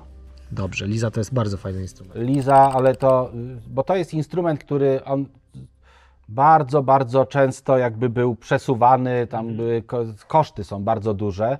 To jest e, interferometr laserowy e, Kto kojarzy LIGO? LIGO albo Virgo. No, to, właśnie, myślę, to jest że- taki że- w kosmosie na sterydach. Nie? Podniosła rękę koleżance, też kojarzysz przecież. Tak, e, to, więc LISA to jest, to jest interferometr kosmiczny do detekcji, ma być wykorzystywany do detekcji fal grawitacyjnych. E, I to, no to są spore wyzwania, no bo jeżeli wiemy, że w LIGO mierzymy odległości e, Trzech kilometrów. Trzy, tak, 3 km to są dwa ramiona y, z, z dokładnością tam do rozmiarów subatom, subjądrowych, no to, to tutaj też muszą być takie dokładności. Ej, to jest w ogóle dla mnie jakiś absurd totalny, że tam mierzone są oczywiście, wiesz, no interferencyjnie, więc, więc jest trochę łatwiej niż jakbyś miał z linijką latać, Mhm. ale tam są mierzone wartości rzędu jednej tysięcznej promienia protonu. To jest po prostu jakiś absurd. Ja nie wierzę to. to oni, Oni mają, to oni mają y, ten system y, do generowania danych i mówią, o coś zaobserwowaliśmy, jest szybka publikacja. Tak, Wróżkę ha- Jasminę. tak jest, jest szybka publikacja. No, no kto sprawdza? Kto jest w stanie sprawdzić, co tam te, ta, ten instrument widzi? Tam jest stu wtajemniczonych. To jest ten alter ego Leszka, denialista Leszek. Tak, jest. No ale nie, nie, niebywałe to jest. Zobacz, to jest już przyszłość tak naprawdę dzisiaj, a to o czym mówisz, Liza, no to jest jeszcze dokładniejszy tak naprawdę. 37 rok e, to jest na razie taka data e, wystrzelenia pierwszych komponentów. W ogóle 30 lata będą bardzo ciekawe, jeżeli chodzi o astronomię, jeżeli chodzi o przyszłość e, nauki A jak też. w Europie zakażą tych paliw takich tradycyjnych, to jak rakiety wystartują na baterie? I to będzie winda kosmiczna już wtedy. Ale generalnie y, bardzo ciekawy będzie ten, ta dekada lat 30., bo zobacz, mamy też dwie misje niesamowite, które będą badać Europę. Mamy sondę JUICE, czyli... Już leci. Tak, już, już, która już leci i nie pamiętam, Europa Clipper chyba jeszcze nie wystartowała, Nie ale ona przyleci tak. szybciej niż, niż Juice na miejsce i, i być może uda się, bo one będą już skonstruowane konkretnie pod to, żeby szukać tam śladów życia, jakiegoś prostego, mikrobiologicznego życia, które być może znajduje się, albo śladów takowego na tym lodowym księżycu Jowisza, więc powiem Ci szczerze, że nic tylko jeść marchewkę i sałatę, żeby się zdrowo odżywiając dożyć do tych czasów, bo będzie naprawdę się działo w latach 30. Tak jak mówisz, starty tych e, teleskopów, więc one już jakieś dane będą ciekawe e, nam e, sprowadzać. Ja już tutaj zakładam oczywiście to przedłużenie, że te co są 20, 2027 W 8. 37 przejdę na emeryturę. Okej. Jest duża, duża szansa, że, że nie odbiorę ani jednej. To, to dbaj o siebie.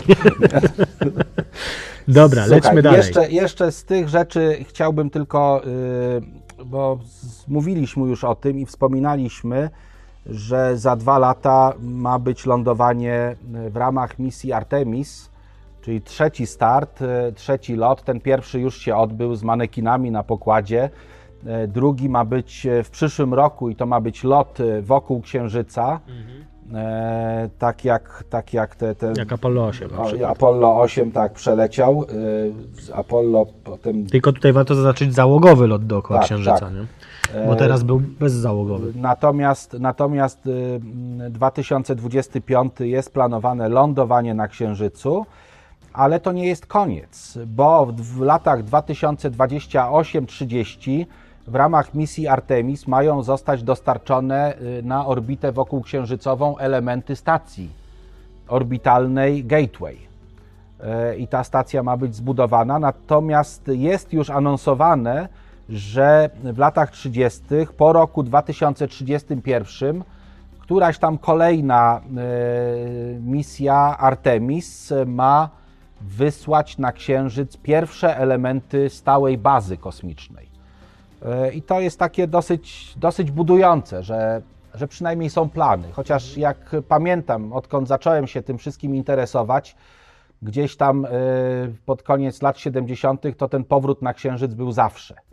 Teraz jakiś konkret, bo coś poleciało, ale z kolei latają, no Hindusi latają na Księżyc, Chińczycy latają na Księżyc, Ale właśnie już widzisz, rzucają chodzi. tam te swoje pojazdy. Że teraz jest to politycznie ważne, a wcześniej nie było i dlatego nie było po co latać na ten księżyc. Natomiast w momencie, kiedy wiesz, wszyscy zaczynają się tym księżycem interesować, no to mm, mocarstwa takie jak USA czy Chiny będą też dążyć do tego, żeby tam stały pobyt sobie zagwarantować z prostej polityczno-militarnej przyczyny. Otóż e, jeżeli chcesz mieć e, przewagę w przestrzeni kosmicznej, militarną po prostu przewagę w przestrzeni kosmicznej, czy też polityczną, bo możesz też naciski dzięki temu jakieś tam e, sobie prokurować, to musisz być o krok przed tymi innymi krajami, z którymi konkurujesz. No i teraz co zostało? Niska orbita jest zasiedlona. Prywatne firmy latają sobie na niską orbitę jak taksówki, nie?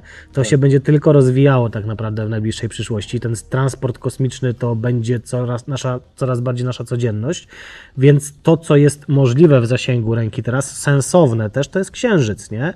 Miejsce, y, gdzie też będzie cię ciężko dosięgnąć, jeżeli nie jesteś właśnie na przykład Chinami albo, albo Stanami. Więc y, dlatego to się zaczęło albo dziać. Dno, dno oceanu. No ale na dno oceanu to wiesz, wykupisz sobie wycieczkę z... nie, nie, też popłyniesz. Nie, nie wykupujmy wycieczek. Nie. Także ja, wiesz. ja Titanica film widziałem i to mi wystarczy. I wszystko E, widzisz. Tak, i wszystko wiem. Chociaż e, no to jest, jeż- je- jeżeli mówimy o tej eksploracji kosmosu tego najbliższego, no to też e, jest dużo takich e, aspektów dosyć jakby dziwnych i one niby wszystko było takie fajne. Mówię o tych Starlinkach. Niby m, y, po tym początkowym jakby okresie miały być Starlinki przystosowane do tego, żeby y, nie być przeszkodą w naziemnych obserwacjach, czy to y, astronomicznych, optycznych, czy to w obserwacjach radiowych. Niestety okazuje się, że po pierwsze Starlinki psują obserwacje naziemne, no dlatego tak dużo jest tych, tych misji, tych teleskopów kosmicznych, które będą gdzieś dalej. Po drugie, ukazało się już kilka prac, no jedna jakiś czas temu, pokazująca, że Starlinki niestety psują też, e, nadając sygnały radiowe, obserwacje radioastronomiczne. Czyli to, co e, my tutaj budujemy i przed chwilą się tak tutaj podniecaliśmy. Ty się Square- podniecałeś, no, ja nie. Dobrze, ja tak, ja się podniecałem. Ja łebem. E, Square Kilometer Array, e, ten LOFAR, tak, że się rozwija, LOFAR 2.0, potem może 3.0, e, jak już będzie Polska 3.0, tak, to, e, e, to może zostać zniweczone zupełnie tym, że jakiś prywatny przedsiębiorca e, wyśle sobie na orbitę kilka tysięcy satelitów, które będą zupełnie poza jakąkolwiek kontrolą i będą, e, będą e, wysyłać, no to trzeba to sobie uświadomić. Czy można obserwować teraz, e, są zorzowe jakby zjawiska. Wczoraj zorza była ładna, dosyć, dosyć ciekawa, bo był rozbłysk na słońcu, mamy aktywność, ta aktywność rośnie słoneczna, więc ja zachęcam do tego, żeby śledzić raporty o aktywności słońca i jak jest ładna pogoda, szczególnie jesienią, zimą, e, wieczorem obserwować niebo północne kierunku północnym, bo zjawiska zorzowe mogą być jeszcze, mogą nas zaskoczyć. Obserwacje nocnego rozgwieżdżonego nieba, nieba nie mają sensu, gdy stoimy pod latarnią. W sensie takim faktycznym, że stoimy pod latarnią, bo chcemy oglądać niebo, no bo to światło nam przeszkadza. Takimi latarniami dla radiowców y, są wszelkiego rodzaju systemy nadawcze, które nadają w podobnych zakresach częstotliwości. Więc, Czyli satelity. tak, czyli satelity, czyli różnego rodzaju nadajniki, które są blisko, nawet elementy, które nie są y, stricte nadajnikami, ale psują nam y, obserwacje. Mało kto wie, że to, co jest teraz, wiele jest tych ferm wiatrowych budowanych, że to, że ten wiatrak się kręci, to on, on oczywiście produkuje jakiś tam prąd, wykorzystuje wiatr, ale jednocześnie ten generator, on jest bardzo silnym nadajnikiem, bo w momencie, gdy ten prąd jest tak jak każda prądnica, tak jak, jak każde tego typu urządzenie, gdy prąd przepływa w kablu i ten kabel nie jest ekranowany, no my mieliśmy problem, bo mieliśmy kamerę zasilaną na polu lofaru i były zakłócenia. Mówię, skąd te zakłócenia? Okazało się, że kabel zasilający nie był takiej kategorii, jak żeśmy żądali, tylko był zwykły kabel źle ekranowany. No i były zakłócenia, które było widać w obserwacjach. Więc mnóstwo rzeczy zakłóca i te satelity to jest, to jest Mi rzecz się wydaje, że to jest e, kryzys łajna, wiesz? łajna. Łajna. To nie jest po angielsku, tylko łajna, takiego od konia. Znasz ten termin? Y, Już znam, Już znasz, wyjaśnij. teraz wyjaśnię, teraz definicja. Tak, wyjaśnij wszystko. Kryzys łajna to jest prawdopodobnie taki, wiesz, wymyślony temat, ale, ale bardzo pięknie pokazuje temat. Otóż e, zanim się jeszcze sam, nie pamiętam kiedy to było, jakiś tam XIX wiek, ale który dokładnie rok, to jakoś druga połowa chyba, czy coś takiego, nie? E, Mniejsza o większość. W każdym razie mnóstwo koni jeździło po ulicach e, Londynu. I konie mają w zwyczaju zostawiać też spaliny, tak jak samochód, tylko te spaliny są natury, bym powiedział, biologicznej, więc łajna było coraz więcej. No i radni zastanawiali się, jak rozwiązać kryzys łajna, bo e, licząc sobie, a my bardzo lubimy sobie ekstrapolować, wiesz, liniowo, e, to e, za chwilę będzie tych koni tyle, bo coraz większy dobrobyt, coraz więcej obywateli e, konia posiada, a nawet i kilka, jak dorożkę prowadzi. Mm, Zatoniemy w łajnie. Londyn zatonie w łajnie. Jak Londyn może zatonąć w łajnie? No nie powinien. A nie? zatonął w smogu. To inna sprawa. Ale e, ostatecznie nie zatonął w łajnie, bo jak już e, zaczęli obradować i, i ten, ten rok, w którym e, zatonąć w łajnie miał nadszedł, to się okazało, że wcześniej pojawiły się samochody i rozwiązały ten problem. Nie? I myślę, że tutaj będzie to dosyć podobne, że jakby obserwacje po prostu Pewnie wyniosą tak. się na orbitę i te naukowe nie amatorskie, tylko profesjonalne przyrządy będą po prostu na różnych wysokościach no, na oczywiście, orbicie. oczywiście A zobacz, z jednej strony mamy firmę, która już w tym momencie wystrzeliła te tysiące satelitów, czyli właśnie SpaceX, a z drugiej strony e, prace cały czas trwają nad olbrzymią rakietą, którą jest Starship. O niej też warto powiedzieć, bo to jest też game changer, jeżeli chodzi o astronautykę i wynoszenie różnych rzeczy w przestrzeń kosmiczną. Z tak e, dużą masą, bo to jest do 150 ton nawet na niską orbitę okołoziemską, i z tak dużą ładownią, bez problemu można trzaskać kilka razy w roku fajne obserwatoria, które zamiast konstruować pod naziemną e, infrastrukturę, można skonstruować pod orbitalną infrastrukturę. I w tym momencie, wiesz, jakby myślę, że to tak będzie wyglądało. No przecież nikt nie powie nagle, dobra, to e, zrywamy z astronomią, nie badamy przestrzeni kosmicznej, nie? Chyba, że jest w Polsce ileś, ileś opisane, ale generalnie raczej mi się nie wydaje, żeby tak Chyba, miało że być. żyje, ży, żyjemy w symulacji Chyba, że żyjemy w symulacji. i Nie? wszystko nie ma najmniejszego Więc wiesz, znaczenia. Nie, to- to jest moje przewidywanie, moje rozwijają I y, rzeczywiście y, to, to jest tak jak, jak policja i przestępcy, że, Mhm.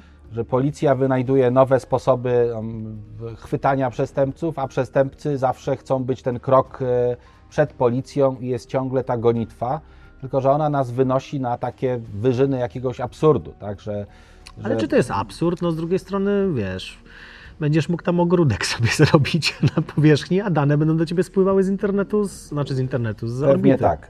E, Także dobrze. myślę, że to jest kierunek, w którym to będzie wszystko E, szło. Wspomnieliśmy już, że nie da się ogarnąć danych e, tych astronomicznych. Problem jest taki, e, to też podczas otwarcia, e, otwarcia p- spotkania zjazdu Polskiego Towarzystwa Astronomicznego Zdaje się, że pani prezes międzynarodowego, międzynarodowej, Międzynarodowego Zrzeszenia Astronomów mówiła o tym kryzysie związanym z faktem, że dane, które są pozyskiwane przez instrumenty, są w mniej niż 5% przetwarzane. Cała reszta jest po prostu przetrzymywana gdzieś. e, Nie ma, nie ma e, siły roboczej, tak? E, Nie ma ludzi, którzy by się tym mogli zająć. No ale otwiera się nam nowa ścieżka, bo ostatnio jest dosyć głośno o takich bardzo zaawansowanych pracach nad różnymi aspektami związanymi z przetwarzaniem danych, między innymi przez systemy sztucznej inteligencji. I to jest ta przyszłość chyba też astronomii. To jest to, co może nie będzie na początku tak dobre w interpretacji, ale w przetwarzaniu i selekcji, wstępnej selekcji danych, no to już zaczyna odgrywać dosyć ważną rolę i coraz więcej zespołów badawczych e, tego typu elementów używa. Tak? W, w wyszukiwaniu tych, tych ciekawych jakby elementów, tych ciekawych rzeczy w obserwacjach, po to, żeby nie przekopywać się przez, e, przez bardzo duże bazy danych. Jak wielki jest wkład komputerowy, to taka, taka też króciutka anegdota. Gdzieś o tym już wspominałem. Wybitny polski mechanik niebieski, człowiek, który się e, zajmował obliczeniami orbit, obliczeniami e, trajektorii, między innymi komet, profesor Kamieński. On pracował jeszcze w latach 20., 30. i wtedy pracował przy pomocy narzędzi takich, jakie były dostępne, czyli arytmometru ręcznego, kręciołka, tak, który był prostą, jakby w prostej linii od arytmometru Pascala, no i ołówek i kartka papieru.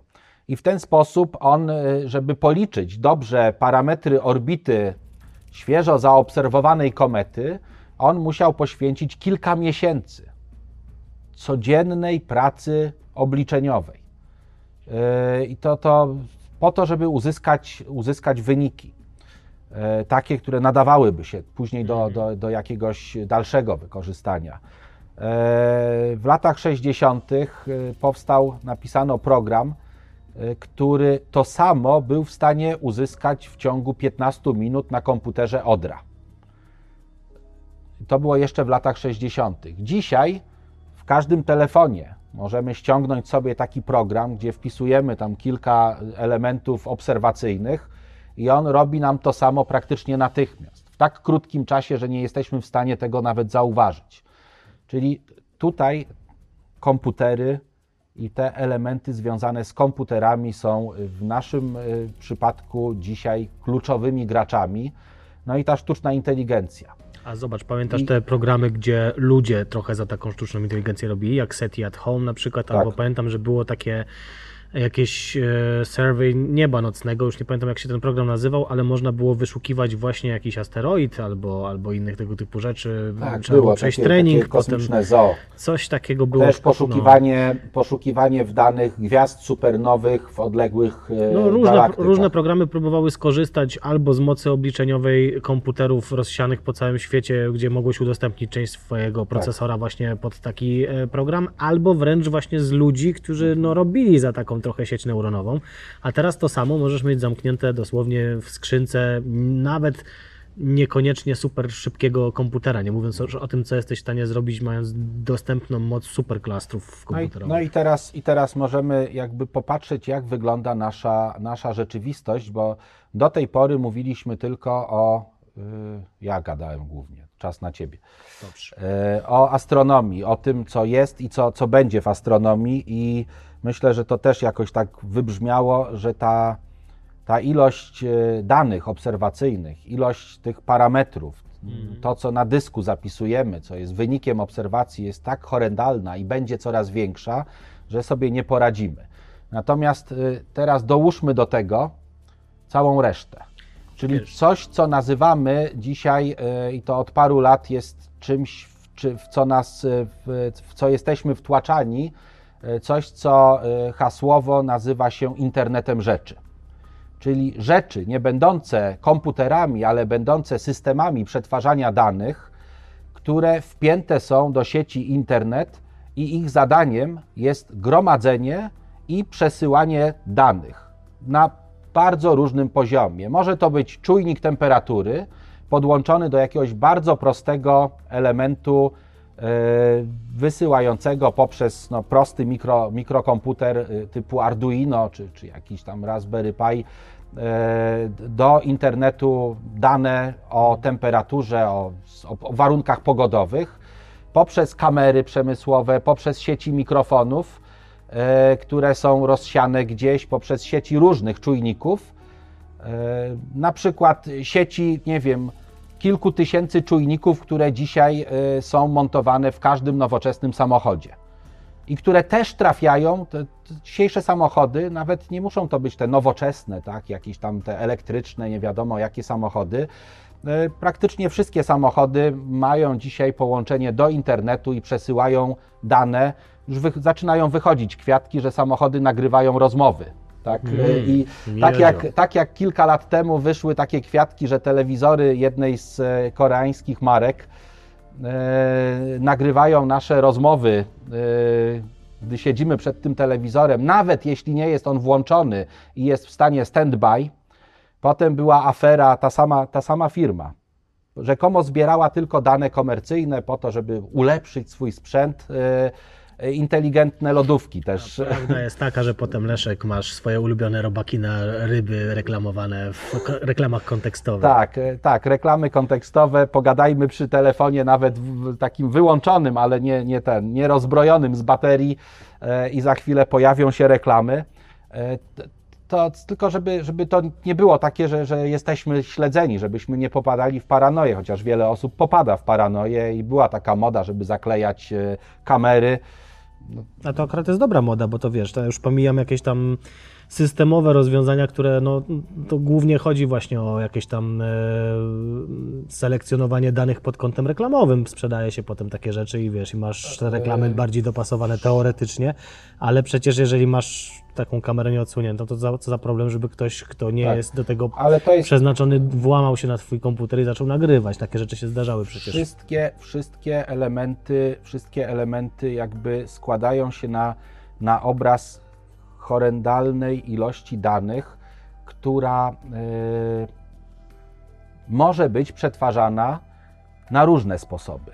Tak? Na, ta, na takie sposoby, gdzie rzeczywiście y, będzie to y, służyło polepszeniu jakości życia i polepszeniu rozwoju cywilizacji, ale ja myślę, że my jesteśmy jako cywilizacja, jako ludzie generalnie, nie my, nie my tutaj, nie? To tu się zebrała taka elita ludzi dobrych, współczujących, nie ma tych złych, nie?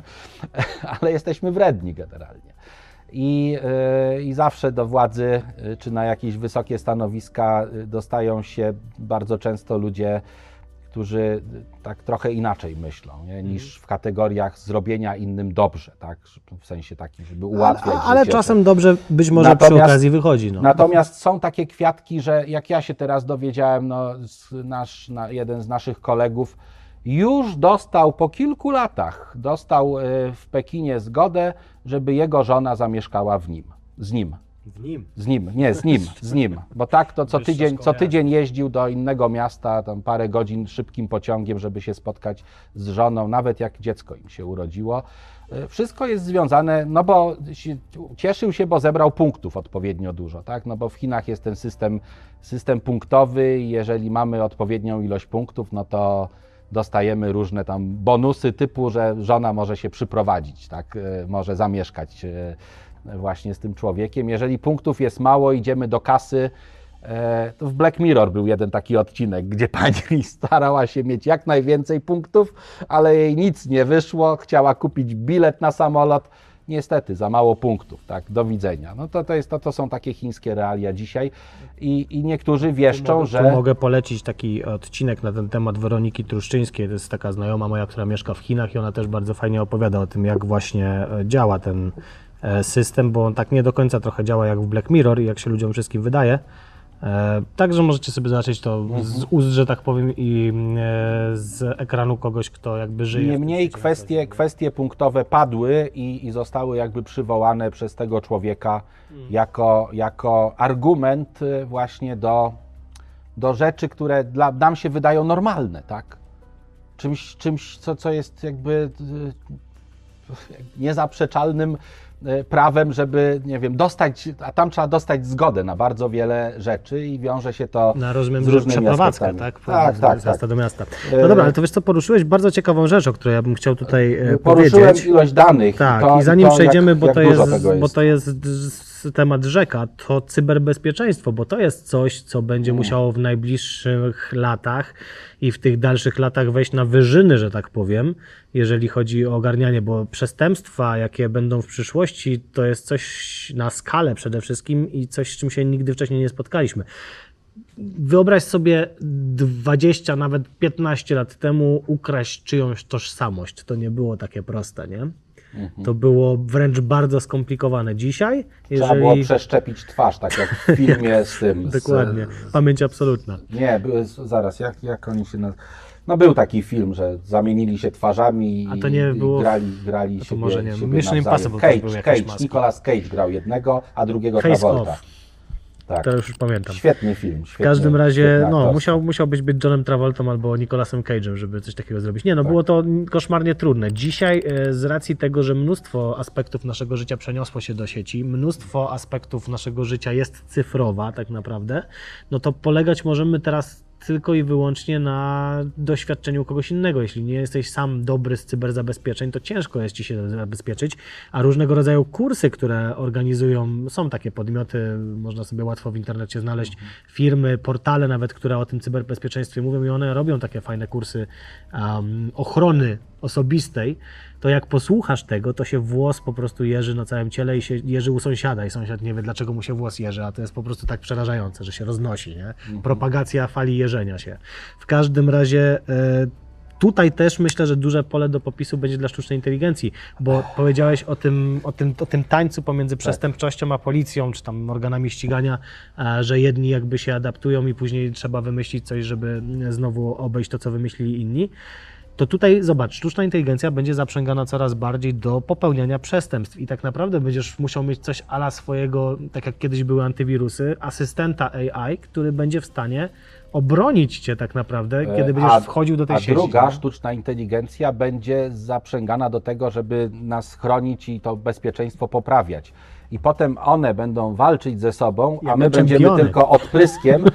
To się okazało w ostatnim tomie, nie mam tej książki, w ostatnim tomie Cholewy, y, takiego cyklu, gdzie SI odgrywa tam ważną rolę i tam się właśnie okazuje, że, że, że coś, co było takim punktem zero, straszną wojną, e, i później ta sztuczna inteligencja została zablokowana. Zresztą tak samo jak, e, jak w tej książce i w tym świecie. No tak właśnie chciałem podprowadzić pod E, tak, e, ale za, zaraz po, do, do, do, niej, do niej dojdę. Została jakby zablokowana, została wyrugowana z naszego życia, a jak się na końcu okazało, to ta sztuczna inteligencja, ona walczyła z innymi, jakby Mhm. swoimi elementami po to, żeby, żeby, żeby walczyła o nas, tak, Mhm. e, o, o ludzi, ale ludzie byli najmniej ważni w tej walce. Słuchaj, już teraz jak się popatrzy na ruch w internecie, ja to widzę gdzieś tam po statystykach na stronie Astrofazy, że 40 pewnie procent, o ile mnie z pamięci przywołuję teraz, 40% ruchu w internecie to są boty i treści przez boty tworzone dla botów, rozumiesz, żeby ogarniały wyszukiwanie, ogarniały, to jest coś po prostu niesamowitego i to się będzie tylko zwiększać i, i, i serio, to będzie w pewnym momencie takie taka płaszczyzna działania tych sztucznych inteligencji pod warstwą wizualną dla nas, że my nawet nie będziemy dostrzegać, że tam jest inny świat. Dosłownie Matrix, E, gdzie roboty Ostatnio działają ze sobą dokładnie dzisiaj y, nasz kolega Marcin z Piwnic wrzucił taki post na stronę Facebooka, gdzie napisał, że czat GPT pozamiatał, tak? bo jest taka wielka dyskusja odnośnie tam pewnego filmu, e, który tam gdzieś dostaje nagrody, jedni lubią, inni nie lubią, nie będę mówił jaki film, czyj, e, jakiej pani reżyser, a czat GPT zapytany o ten film napisał, że tak, to jest świetny film mówiący o, e, o tym, jak to w czasie II wojny światowej Polacy z Czechosłowacji do Niemiec gdzieś wyjeżdżali za chleb. W ogóle takie bzdury.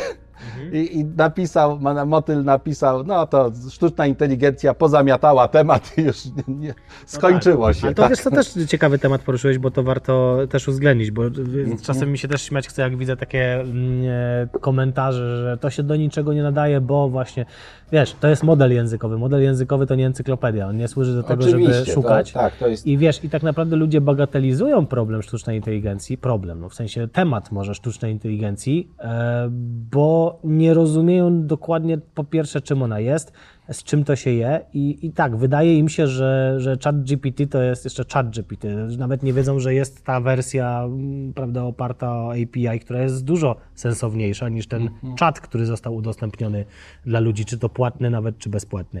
Natomiast jest to model językowy i on się świetnie sprawdza w tym, co Ale robi. On generuje tekst. On Słuchaj, generuje e, tekst. i teraz I powiedzmy, poczekaj, skończę. okładki- Jeśli te ten tekst jest w stanie. Jeżeli ten tekst jest w stanie, wiesz, jakoś tam wygenerować sensownie, bo mu dasz dobry prompt, to nawet będzie to się składało, nie? Ale on świetnie generuje tekst i on robi doskonale to, do czego został e, stworzony. tak. I inne tak naprawdę, bo wiesz, ChatGPT to jest tylko taki, taki, taka wisienka gdzieś tam dosłownie, natomiast jest mnóstwo algorytmów różnego rodzaju, które są uczone do konkretnych zadań. Na przykład to nie ChatGPT będzie obsługiwał e, Square Kilometer Array przecież, nie? No No, nie, nie, nie, nie, oszukujmy się. To To, będzie- będzie, to celowana będzie- sztuczna inteligencja, Tak. która będzie się zajmowała dokładnie tak tym samo jak, tak tak samo jak e, oprogramowanie e, tego, co też będzie już za chwilę naszą przyszłością. No bo Ja tak troszkę też się tak, nie wiem, jakoś e, stroszyłem i jeżyłem na te wszystkie zmiany, które są proponowane dla nas na najbliższy czas, czyli przede wszystkim ta, ta elektromobilność, jak to się mówi, na przejście do, do systemów elektrycznych aut, co w bardzo, bardzo prosto będzie się przekładało do przejścia na system aut auto, autonomicznych. Mhm. I tutaj też sztuczne inteligencje y, będą jak najbardziej wykorzystywane do tego, żebyśmy my mogli się poczuć troszeczkę lepiej w aucie, czyli y, jadąc czytać sobie książkę i nie dbać o to, co się, co się dzieje na zewnątrz. Taka sytuacja, nie? że y, jechała kobieta Teslą a Tesla ma już tego autopilota. Tak. Co prawda to jest nielegalne, bo nie można go, nie wiem, chyba nigdzie tak naprawdę używać i po prostu jeździć po drogach, ale gdzieś tam na jakimś chyba stop czy są takie, wiesz, gdzie wrzucają te różne dziwne zajścia z drogi, było widać jak ta Tesla jedzie, a kobieta śpi. I ten gość próbował, wiecie, światłami, trąbieniem obudzić, ale nie dało rady, nie? Po prostu Tesla pojechała dalej ze śpiącym kierowcą na pokazie. Także takie kwiatki już się w momencie ci, że, zdarzają. A to, te, te auta są jakieś, można je tu kupić, tak? Tesla? Tak, chyba je, tak, widziałem, gdzieś jeżdżą, jeżdżą. Mnóstwo ich teraz jeździ. To, to by mi się przydało takie auto. No, Tutaj muszę koniecznie powiedzieć o energii termojądrowej, która jest no przecież w tych wszystkich filmach science fiction, w książkach science fiction i tak dalej e, świętym gralem energetyki i mm, no, czymś, do czego dążymy i jest pokazywane jako wybawienie, ten wybawienie e, od problemu końskiego łajna dosłownie, że tak powiem, nie? jakim jest to, że, e, że musimy szukać tych innych Dlaczego nie energetyka taka klasyczna atomowa? A to e, jest mocno politycznie nacechowana. Też jest spoko, ale generalnie y, mówimy o przyszłości. Te już mamy, a termojądrowa jest takim no można powiedzieć, creme de la creme, jeżeli chodzi o takie rozwiązania. No. Masz różnego rodzaju reaktory termojądrowe w filmach science fiction i tak dalej, nie? Wiesz, o energetykę jądrową to my rozwijamy, nie? Są coraz lepsze reaktory, są coraz lepsze rozwiązania, coraz bezpieczniejsze rozwiązania, więc tu nie ma takiego szału, nie? No, no można o tym mówić, ale po co? Temat jest o z przyszłości, więc energetyka termojądrowa. No w przyszłości też e, elektrownie jądrowe klasyczne, czyli to oparte o rozszczepianie ciężkich jąder, E, te elektrownie kieszonkowe, te małe, kontenerowe. To też jest e, ta e, część, która mocno się rozwija. Mhm.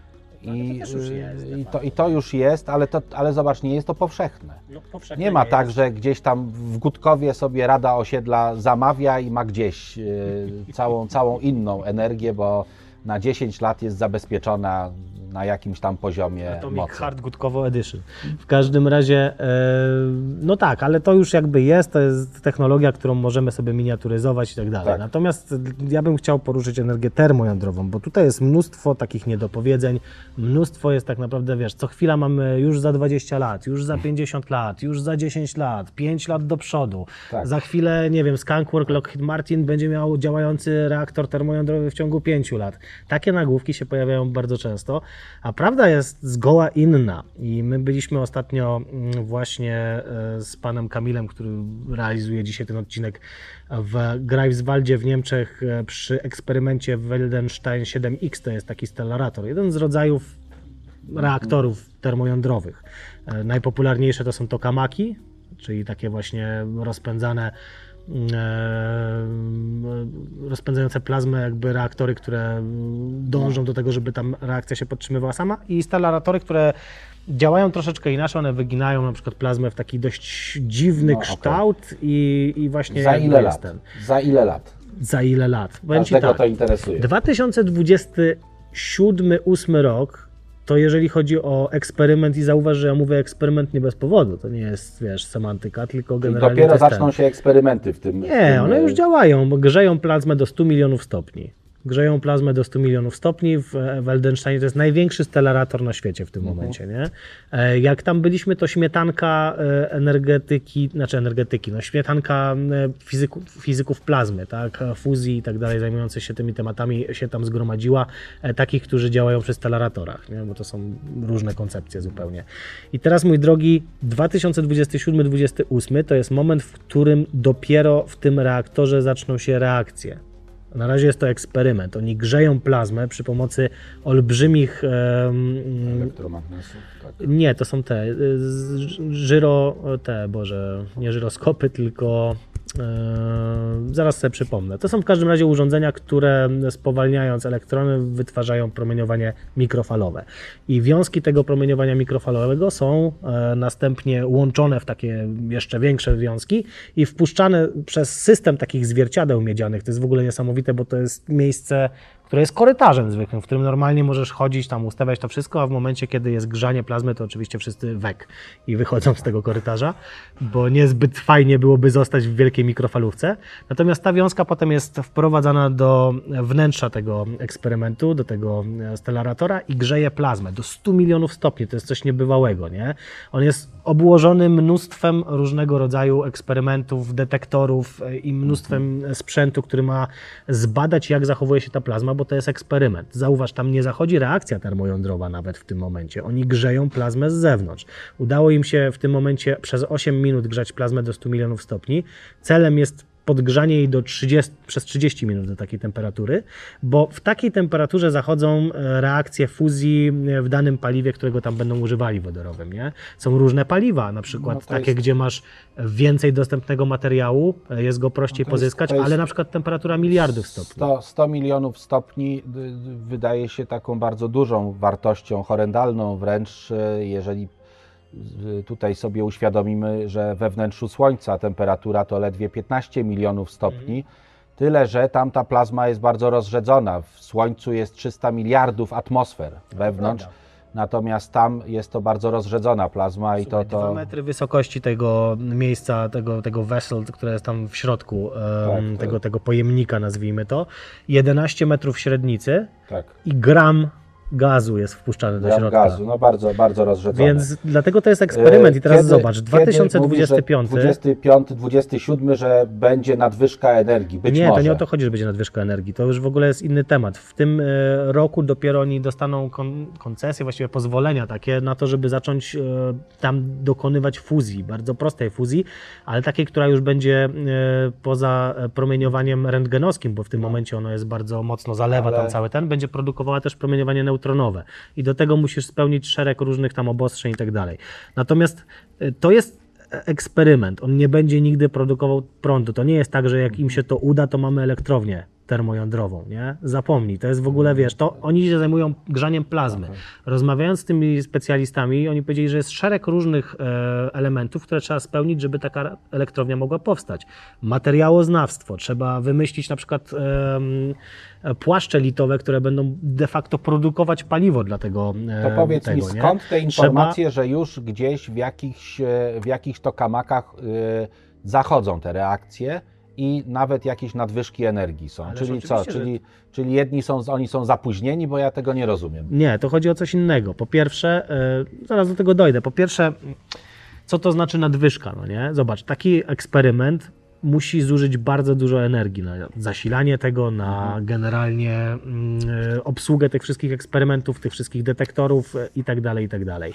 E, Docelowo masz w ITERze mieć 10 razy tyle energii produkowanej z plazmy. Zaraz powiem, co to jest ITER. To jest e, tokamak, czyli ten inny typ, budowany największy taki reaktor w tym momencie i to już będzie reaktor na świecie. E, Tam ma być 10 razy więcej energii dostępnej, jakby wyprodukowanej z tej plazmy, niż włożonej do grzania tej plazmy. No nie? E, I w tym momencie są czasami jakieś e, takie właśnie e, informacje, że udało się uzyskać tę nadwyżkę, ale to jest nadwyżka tylko jak liczysz sobie to ogrzanie plazmy versus to, co się udało z tego uzyskać. Natomiast nie wlicza się w to tego wszystkiego, co jest potrzebne, żeby ten reaktor uruchomić, czyli chłodzenia magnesów na przykład, tych dobrze. elektromagnesów i tak dalej. Okej. Więc żaden z nich nie produkuje tak naprawdę jeszcze energii tak, żeby mógł być elektrownią. To jest zupełnie inna para kaloszy.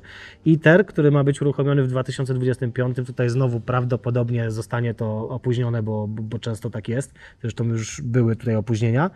E, to jest tokamak, on jest właśnie inaczej zbudowany, tam jest solenoid w środku i No wokół okej. niego się to rozpędza, więc jest magnetycznie rozpędzana plazma.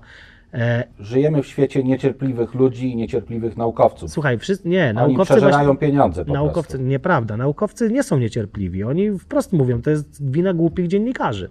Którzy nie, albo nie rozumieją tego, co, co do nich mówią właśnie ci eksperci, albo po prostu stwierdzili, że ma się klikać, nie? więc będziemy mówić, że już za 20, już za 30, już coś tam i tak dalej. Jak ja tam pojechałem, to wiesz, to, to powiedzieli mi od razu, że to nie jest elektrownia, tu nigdy nie będzie produkowany prąd i tak naprawdę oni e, mają jedno zadanie, zbadać, czy w ogóle plazmą, plazmę można utrzymać, podtrzymać, czy może być podtrzymana w niej reakcja, bo żeby e, mieć taki reaktor, który faktycznie później w elektrowni będzie działał, to ta reakcja musi być samopodtrzymująca się. Nie możesz cały czas ładować tego prądu i tego, wiesz, tej energii, żeby ją podtrzymywać. Ona ma się sama podtrzymywać, ty masz tylko dorzucać paliwa, nie? No bo perpetuum mobile nie ma oczywiście, e, co zresztą w jednym z odcinków już wykazaliśmy. Natomiast do tego potrzeba jeszcze mnóstwa eksperymentów, ale oni nie zajmują się kompleksowo tym. To są eksperci od plazmy, tak jak ty jesteś ekspertem od obserwacji radioastronomicznych, tak? I dziennikarze chyba tego do końca nie kumają. Im się wydaje, że to są Generalnie elektrownie. Nikt, nikt, tego nie, ni- nikt tego jeszcze tak do końca nie kuma, bo... Więc bo- powiedzieli, że za 50 lat, że oni się nie podejmą w ogóle mówienia, kiedy coś takiego może być, bo po E, drodze jest czyli- tyle problemów jeszcze, że Czyli możemy tak odłożyć to zupełnie osób na gdzieś sali to interesuje, a reszta ma to gdzieś, bo i tak umrze, nie? Do tego czasu, jak ta energia będzie. Tak mi się Między wydaje. innymi ja. Tak mi się wydaje. E, Chyba, że się wydarzy coś Przejdźmy do innych form energii w takim razie. energii kosmicznej. Czyli, czyli wyleczyłeś y, tutaj skutecznie z tego, z tego myślenia, że nie wiem, Hel tam Nie, no, 3 z Księżyca, A to jest inna rzecz. Hel 3 z. Księżyca. Właśnie, właśnie mnie triggerowałeś Dobrze, w tym momencie. dobrze. Hel z, Krzy- z Księżyca, którego, żeby mieć tonę, to musisz, nie wiem, tysiąc ton, prawda, wykopać jakiegoś regolitu i tak dalej. Weź to przetwarzaj. Jak ty chcesz to zrobić? Oczywiście, trzeba to, to trzeba to badać, bo w przyszłości może E, będą takie, wiesz... e, Mogę zmienić temat? Nie, to może w przyszłości może będą takie, wiesz... nudzę W przyszłości może będą e, takie rozwiązania, Chcę ale teraz rozwiązań takich Kosika. nie ma. Poczekaj, daj mi skończyć, chłopie. 20 lat masz czy 15, nie? Także zapomnij, nie ma, że Hel 3, że Jeszcze- ktoś teraz będzie latał i wydobywał 15. to. tak mi się wydaje właśnie. Dobra, a co chcesz o Kosiku i powiedzieć, o książce powiedzieć? Chcę, chcę powiedzieć, że Kosik nową książkę napisał. Z- Kiedyś, kiedyś e, też jest trochę energii, ale ta energia tam jest. No nie? To, to już jest w 2077 roku, więc e, 50 lat. 50 lat, więc tam już e, nie wiadomo skąd oni biorą energię, ale fantastów, e, no, niektórych to interesuje, reszta ma to gdzieś, tak samo jak większość ludzi ma to gdzieś. Mówiąc szczerze, chcą, żeby w gniazdku był prąd i żeby e, auto jeździło, tak? E, Żeby winda się nie zacinała. Jeśli to jest, e, jeśli to się dzieje w Night City, tak jak reszta e, cyberpunka od e, CD Projekt Red, Tak, to to, jest- masz tam połączenie paliw kopalnych, bo są Tak, całe jest- pola jest, ropy e, i elektrowni jądrowej. Y, Jest to y, autor, który brał udział po pierwsze w pisaniu części, części scenariusza do tej gry. W grę nie grałem, dużo słyszałem o tej grze, ale y, nie, nie miałem okazji zagrać. Y, Kosik pisał też scenariusz do serialu takiego anime, który był oparty o tą grę. Nie pamiętam tytułu tego, tego filmu, ale książka jest bardzo podobna. Jakby. Edge Runners się nazywał. Tak, i to, i to, są, to są też e, ci, ci, ci sami bohaterowie. Taka dosyć ciekawa rzecz, bo to jest też marketingowo niezłe, bo ta książka się ukazała jednocześnie w paru krajach, tak, w paru językach, bo jest związana z częścią też tej reklamy związanej z, z grą, z e, reklamowaniem świata tego wszystkiego. E, I wiesz co, i to jest e, świat za te 50 lat, e, 50 kilka lat, i nie wiem, czy to jest dobry świat, czy nie. Rządzą korporacje, powszechny internet, oczywiście bez sztucznej inteligencji. Sztuczna inteligencja jest za murem. Są bohaterowie, którzy się chcą, za murem takim e, no, Wirtualnym. wirtualnym. E, Są bohaterowie, którzy się chcą tam dokopać, którzy chcieliby uwolnić, tak, czy, czy przynajmniej eksplorować e, tę, tę część internetu, te 90 kilka procent internetu, które zostało zablokowane, które zostało odcięte po to, żeby odciąć się od, od sztucznych inteligencji, to, to myślę, że jest to jedna z tych, e, jeden z tych scenariuszy, który jest rozważany i bardzo często i to ludzie, którzy e, są bardzo mocno zanurzeni. Ostatnio rozmawia, z- widziałem rozmowę, nie, nie rozmawiałem wcześniej, wcześniej wielokrotnie, ale widziałem rozmowę z takim profesorem z Torunia, Wodzisławem Duchem, który od, od lat, gdy ja tam studiowałem, on już był e, znanym człowiekiem od sieci neuronowych w e, obecnie Instytucie Astronomii, Fizyki Stosowanej, e, Informatyki Stosowanej i Fizyki, Instytucie Jabłońskiego. E, I on właśnie mówił, że sztuczna inteligencja, i on to mówił tak zupełnie poważnie, że jest wielkim zagrożeniem. My jakby otwieramy, otwieramy pewne obszary, które są nieobliczalne, które są dla nas czymś nieobliczalnym i w, w tym świecie sobie z tym poradzono. Ciekawe, jaki będzie nasz świat za tych parę lat. A to jest fajna rozrywka. Kosik pisze lekko. Ci młodsi to te, tego, te przygody Felix Nik, Nik, Nikt i, Nikt i Nika, tak? Czy, Net i Nika. Net i Nika. Nie czytałem żadnej z jego książek z tej serii, ale kilka takich poważniejszych, tak. Bardzo, bardzo fajny człowiek. Polecam tę książkę. Świetnie się ją czyta. Ostatnio widziałem, że pojawił się na kanale program, w którym oprócz nas jest Marcin mhm. Przybyłek E, miał czelność powiedzieć, że wygląda e, młodziej niż ja. Już go nie lubię. E, I no on napisał, napisał całą serię, tak, mi 15 zostało, całą serię Game Deck o detektywie, który w grach wirtualnych rozwiązuje sprawy detektywistyczne i niedawno wydał taką właśnie książkę, która jest prequelem tej całej serii. Bardzo fajnie się zaczyna ta książka, ale i zobacz, już mamy tego. Znudziła mnie, znudziła mnie tutaj, w tym miejscu. E, niemniej dobrze się zaczyna, tak? No miałem inne do czytania, więc tę zostawiłem na, na chwilę. Ale słuchaj, to poczekaj, zanim, zanim odejdziesz, bo w sumie zobacz, coś takiego to już się dzieje. Ja teraz ostatnio widziałem sobie raport, tak. widziałem sobie, czytałem sobie raport na temat e, gamingu generalnie e, na świecie i tak dalej.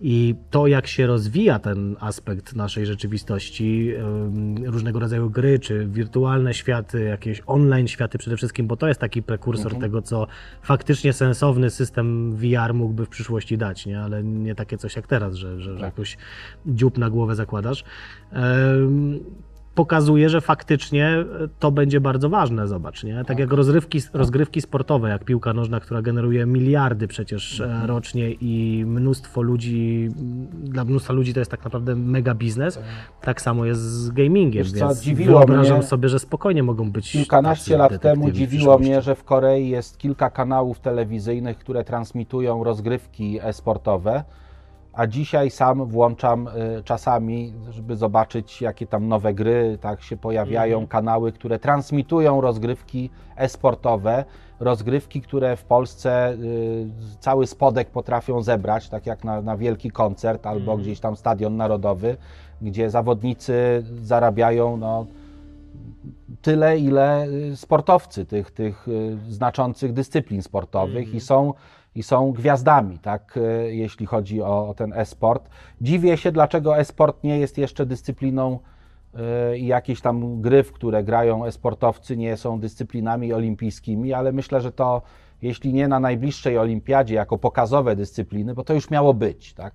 Teraz będzie w Paryżu w przyszłym roku, będą Igrzyska Olimpijskie nie słyszałem, żeby były jakieś pokazowe Myślę, dyscypliny. Że, że oni zrobią swoje igrzyska po prostu. Ale może tak, może tak i, i jest to, jest to nie, też niesamowicie prężnie rozwijająca się no właśnie. E, część. E, no i, i, To co, to nie może być takiego zawodu w przyszłości? Zobacz, my się zastanawiamy, jakie, tak. jakie zawody znikną przez tak. AI, a detektyw, który wiesz, sprawdza, policja tak e, naprawdę wirtualna, no to będzie musiało być I coś. Wbrew pozorom mówi się o tym, że zawód informatyka jest zagrożony, ale to być może zawód e, kodera, tak, informatyka kodującego, bo AI już dzisiaj tworzy doskonalsze kody e, programów, jeśli dobrze jest poprowadzone.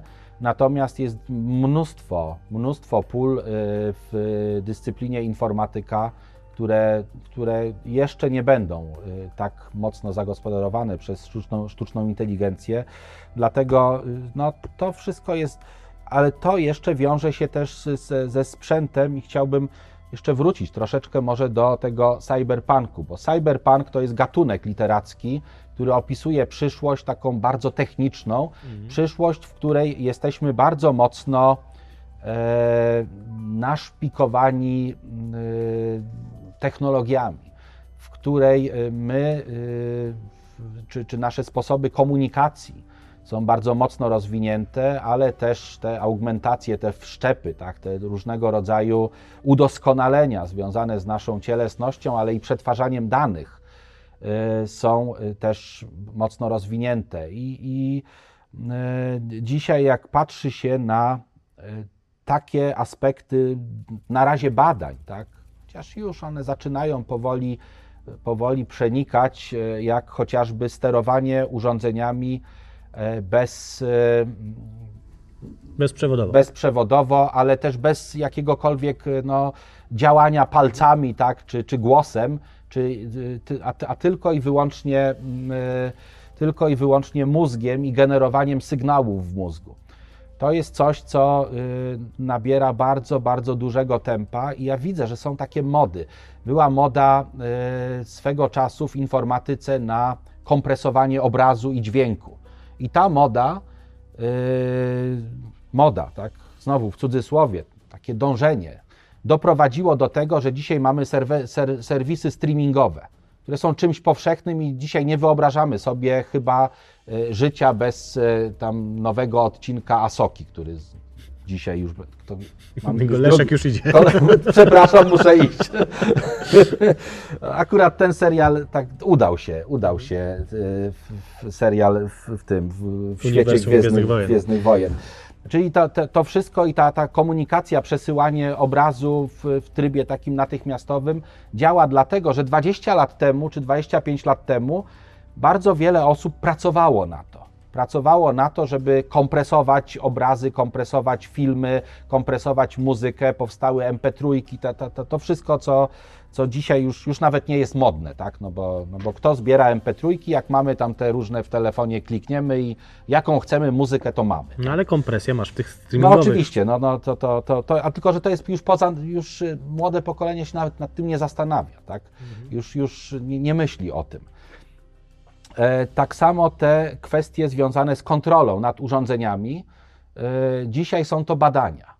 Dzisiaj słyszymy o jakichś takich mniej lub bardziej kontrowersyjnych badaniach nad e, komputerami, które są wszczepiane zamiast kawałka czaszki z elektrodami wpuszczanymi do mózgu, te systemy Neuralink, tak? Mhm. o których też jakiś czas temu było głośno i ja jestem święcie przekonany, że my za chwilę jakby przejdziemy, bo my potrafimy działając bezpośrednio na mózg, y, dawać możliwość, bo kiedyś było to, że okulary, tak, w których wyświetla się jakiś obraz.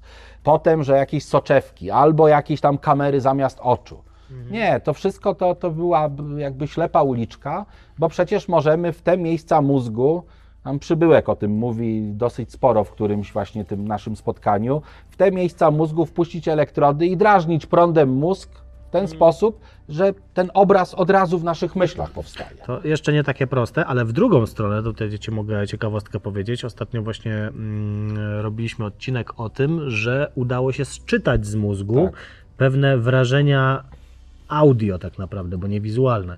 E, a mianowicie ci badani myśleli o piosence, odtwarzali sobie, tak jak sobie potraficie czasami play włączyć w głowie i słyszycie jakąś piosenkę, to odtwarzali piosenkę Another Brick in the Wall uh, Pink Floydów, a maszyna, wiesz, sczytywała, że tak powiem, te fale mózgowe i interpretując to odtworzyła taki, wiesz, brudny, trochę zaszumiony, ale normalnie jesteś w stanie a, odczytać słowa. A pamiętasz, nawet, a pamiętasz, yy, znaczy więc w tym momencie, jeżeli chodzi o możliwość sczytywania, to Dobrze. to się już coraz bardziej Aha. rozwija. Nie? I już, już, już Ci mówię, bo to są takie dwa tematy, które jeden, jeden to jest daleka przeszłość, e, a mianowicie Stanisław Lem i jego niezwyciężony, gdzie znajdują, znajdują e, z Kondora tych e, mhm.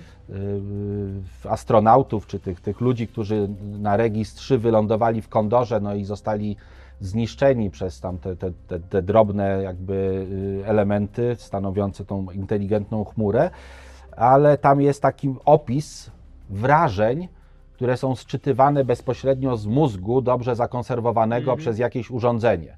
Takie te ost ostatnie sygnały tak, tak, elektryczne, z których można było odczytać właśnie dźwięk. Czyli Lem, zobaczcie, wymyślił to, o czym, y, o czym tutaj usłyszeliśmy. Tylko, że tam ja nie wiem, jak te sygnały miałyby, chyba że A. drażnili ten mózg jakoś, żeby sygnały uzyskać, bo tam już nic nie, nie, nie było. Pe, pe, pewnie tak, natomiast są to pewne technologie, które, które y, są mocno teraz rozwijane. My też nawet o tym nie wiemy, bo to jest z jednej strony są badania naukowe, te oficjalne, z drugiej strony jest dużo instytucji naukowych y, y, prowadzonych na wysokim poziomie przez podmioty komercyjne, gdzie y, dane nie są upubliczniane w sensie takim typowym dla nauki, czyli poprzez publikacje.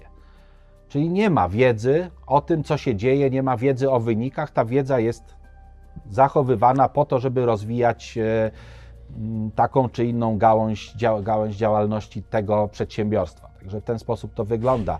No i myślę, może na koniec. y, Jeszcze zobacz, mój ulubiony komiks masz, a, jeden z a moich tak, ulubionych. ale skoro potrafimy już częściowo czytać mózg, to kto wie, czy za chwilę nie będziemy w stanie przeczytać mózgu i tak jak w mojej ulubionej powieści Akcelerando, się e, musiało za pojawić. chwilę, za chwilę ten mózg e, e, jakby w postaci tych parametrów cyfrowych skopiować do systemu komputerowego i pozwolić tam nam zaistnieć i mieć nareszcie dużo miejsca i światy takie, jakie chcemy, żeby być tym mózgiem w butelce, tym, tym mózgiem czy naszą świadomością gdzieś zamkniętą w świecie wirtualnym, tak jak w Matrixie, dla którego y, może ktoś wykreuje świat, a może my będziemy tą, tą y, siłą sprawczą, która będzie kreować ten świat. To na To koniec jest jeszcze. w ogóle dobry temat, żeby go rozwinąć w którymś kolejnym odcinku, to sobie głębiej wejdziemy właśnie w te technologie różnego rodzaju i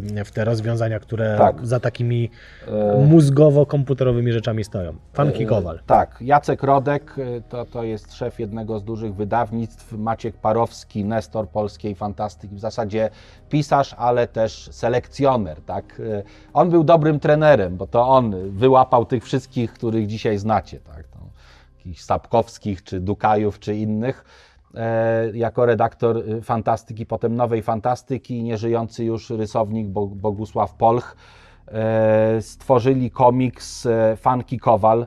Myślę, że jeden z, z, z fajniejszych bohaterów e, komiksowych e, polskich, taki, taki niegrzeczny chłopak, który jest pilotem kosmicznym, trafia do agencji ochroniarskiej, można tak powiedzieć, i rozwiązuje różne bardzo Universe. ciekawe, bardzo ciekawe sprawy. Ładnie narysowany komiks, e, bardzo sympatyczny, wesoły. Jest, tutaj są już bo cztery zeszyty powstały ostatecznie i one są w takim, ja mam akurat w takim wydaniu zbiorczym, ale mam też w wydaniach, które były e, na bieżąco wydawane jeszcze w latach 90, 80., koniec lat 80. Także cudowny komiks, bardzo polecam, żeby sięgnąć po niego. Tutaj są obcy, tutaj jest knucie. A ja ci tutaj... powiem, że tu jest jeszcze jeden aspekt, który warto poruszyć w kontekście naszego dzisiejszego odcinka, nie? Bo tutaj mamy ekstrapolację przyszłości. Właśnie, Mhm. Tak. wiesz, scena, scenarzysta i rysownik wymyślali, jak to może w przyszłości wszystko wyglądać i widać tutaj pewne takie archaiczne rozwiązania, których już dawno Mhm. nie ma wśród nas. Zastąpiły to inne technologie i to pokazuje tak naprawdę, że my możemy sobie gdybać, ale nawet na najbliższe 20-30 lat do przodu możemy No się tak zaskoczyć, jak z tym końskim Dokładnie, łajnem. no wystarczy, nie będę o tym mówił, ale wystarczy prześledzić to, jakaś taka praca domowa, historię, historię rozwiązań y, sprzętowych, informatycznych. Jak to wszystko się rozwija, jakie były prognozy, a w jak zupełnie inne strony potoczyła się, y, ta, te, potoczył się ten rozwój technologiczny. Skoro przyniosłem, przytachałem, przytachał to. y, Przytachał to pa- pokażę. Pan, pan, przytachał to pan Bras.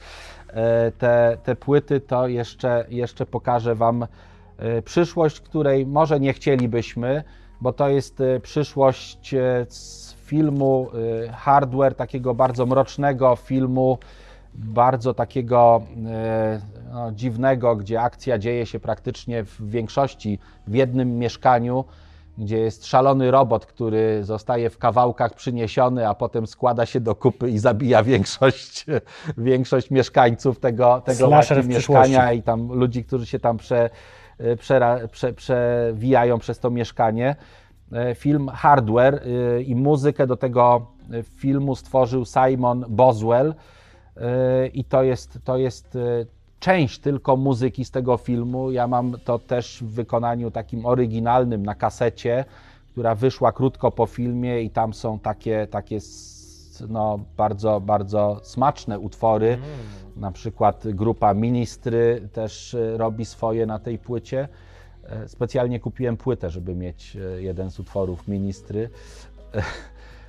Ale jest świetna ścieżka dźwiękowa, polecam film i kontynuację filmu kultowego, który ja muszę oglądać co jakiś czas, bo inaczej bym nie przeżył, a teraz mam dwa do oglądania, więc Blade Runner, ten oryginalny z 82 roku i jego kontynuacja, równie świetna, chociaż niektórzy krytykują, ale Blade Runner 2049 Ale Leszek już ich namierza, więc już niedługo przestaną krytykować. e, Cudowne filmy pokazujące też e, te, te takie aspekty, no oczywiście e, pierwotnie, e, pierwotny pomysł na bazie opowiadania, potem powieści Filipa K. Dicka. I, i to, to też trzeba docenić, to, tę jego wizjonerskość i to, jak scenarzyści z Abrams, jaki zrobił fajny scenariusz, jak to świetnie zostało sfilmowane przez Ridley Scotta. E, I, I też jak fajna jest kontynuacja tego filmu, bardzo polecam. A muzyka, oczywiście w pierwszej odsłonie wi- wiadomo, Vangelis, nieżyjący mistrz, nieżyjący już niestety, ale zostawił dużo muzyki świetnej. A tutaj muzyka została e, przez Hansa Zimmera i, zrobiona w bardzo podobny sposób. Zimmer się po prostu dostosował To i prawda. zrobił muzykę, e, że jak się słucha tego, to mówi, o, Vangelis, świetnie. Dał radę, to prawda. Dał radę, No i Ryan Gosling, który ostatnio gustuje w takich rolach różnych Tak. nieludzkich. bardzo dobrze zagrał. Najpierw android, a właściwie re- replikant, to nawet nie android, bo to taki człowiek sztuczny z, Sztuczny, z złożony, mięsa, złożony złożony z, w tak, z laboratorium. mięsnych kawałków. Co lepsze mięsne kawałki, E, a teraz to, e, Ken w Barbie, więc też znowu taka... A, to, a te, tego filmu nie widziałem i e, Jest tak kinematograficznie niesamowicie zrobiony, że szczerze mówiąc nawet nie wiem o czym on był, bo ten scenariusz był bzdurny, ale chłonąłem każdą scenę. To było E. szapoba dla sc- scenografów, coś niesamowitego i kostiumologów. Ja myślę, że ja sobie e, kupię jednak e, Kena i Barbie i będę się... Osobno. I, I sobie sam nagram taki filmik. I to jest już chyba ten moment, w którym musimy skończyć nasze Pop Science dzisiaj, e, bo mózgi już parują. E, dzięki serdeczne, że z nami byliście i cóż, do zobaczenia. Kolejne będzie, tutaj macie datę. Trzymajcie się i cześć. A, oczywiście. Mi się już prawie udaje. Tak, prawie, prawie robi różnicę. Sam dzisiaj powiedziałeś, że nawet małe, ale jak dobrze i A ja podziałam, to będzie ok. Ja ostatnio widziałem obrazek i jakiegoś świętego przedstawiał, taki stary obraz i obok był Klingon. Mm. I, I wyglądał ten święty na tym obrazie, na tym portrecie dokładnie tak jak ten właśnie bohater Star Treka. Warp. Niesamowite, co to się dzieje w ogóle na świecie. Słuchaj, no Klingonowie też potrafią być e, wspaniali, no i co, co, co dużo Dziękujemy bardzo za obecność przede wszystkim, za to, Tak. że, że, że zechcieliście tu przyjść i się I się wsłuchiwać. słuchiwać.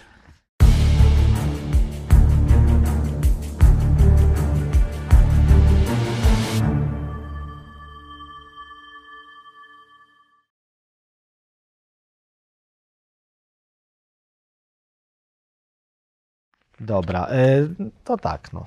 Jakby my już ten nie nagrywamy, możecie reagować. Znaczy nie, na, nagrywamy, nag, to nagrywamy. No. Tego nie nagrywamy. Czekaj, tu mam mikrofon. Dobra. Jeżeli są jakieś, jakieś e, komentarze, jeżeli chcielibyście porozmawiać chwilę. Ja mam pytanie, w Polsce 2-0 staliśmy z kolan. E, e, tak, Czytałeś. Tak, tak. W, jednym, w jednym z tych tomików tak, e, w drugim, w drugim nie. E, Tych dwóch pozostałych e, nie znam jeszcze, ale znając, znając pewne jakby przekonania Jacka Inglota, to tam jest tak, tak dosyć ciężko, jeżeli i, i dosyć przewrotnie to wszystko. Czyli co, jednym opisane. kolanem wstaliśmy? Jednym kolanem. No, Okej. pu- To tak. muszę poczytać w takim razie. Fajnie. To jest, to jest e, ładne wydania. No i tutaj to, co tu już wspomniałem, ale nie wiem, czy to wybrzmiało, okładki, bo to jest robione przez, to jest olsztyńskie wydawnictwo, tak? Wydawnictwo ulica Dożynkowa, możecie oblegać. E, e, To jest Stalker Books. Stalker oczywiście nie od Stalker, bo wszyscy tak teraz jak sta, słowo Stalker pada, to stalking i te takie no, e, jakieś tam złe zachowania, ale to jest Stalker od e, bohatera pikniku na skraju drogi e, Strugackich oczywiście. Stalkerzy to byli ci, którzy do strefy chodzili. E, Cała seria gier i tak dalej. Stalker Books Wojtek, Wojtek Sedeńko to wydał Jackowi i ostatnio jak te książki od niego tutaj zabierałem, e, to przyznał mi się, że do swojego Sfinksa nie zabrałem nowego Sfinksa, ale nic nie napisałem, bo nie miałem czasu. Spoko.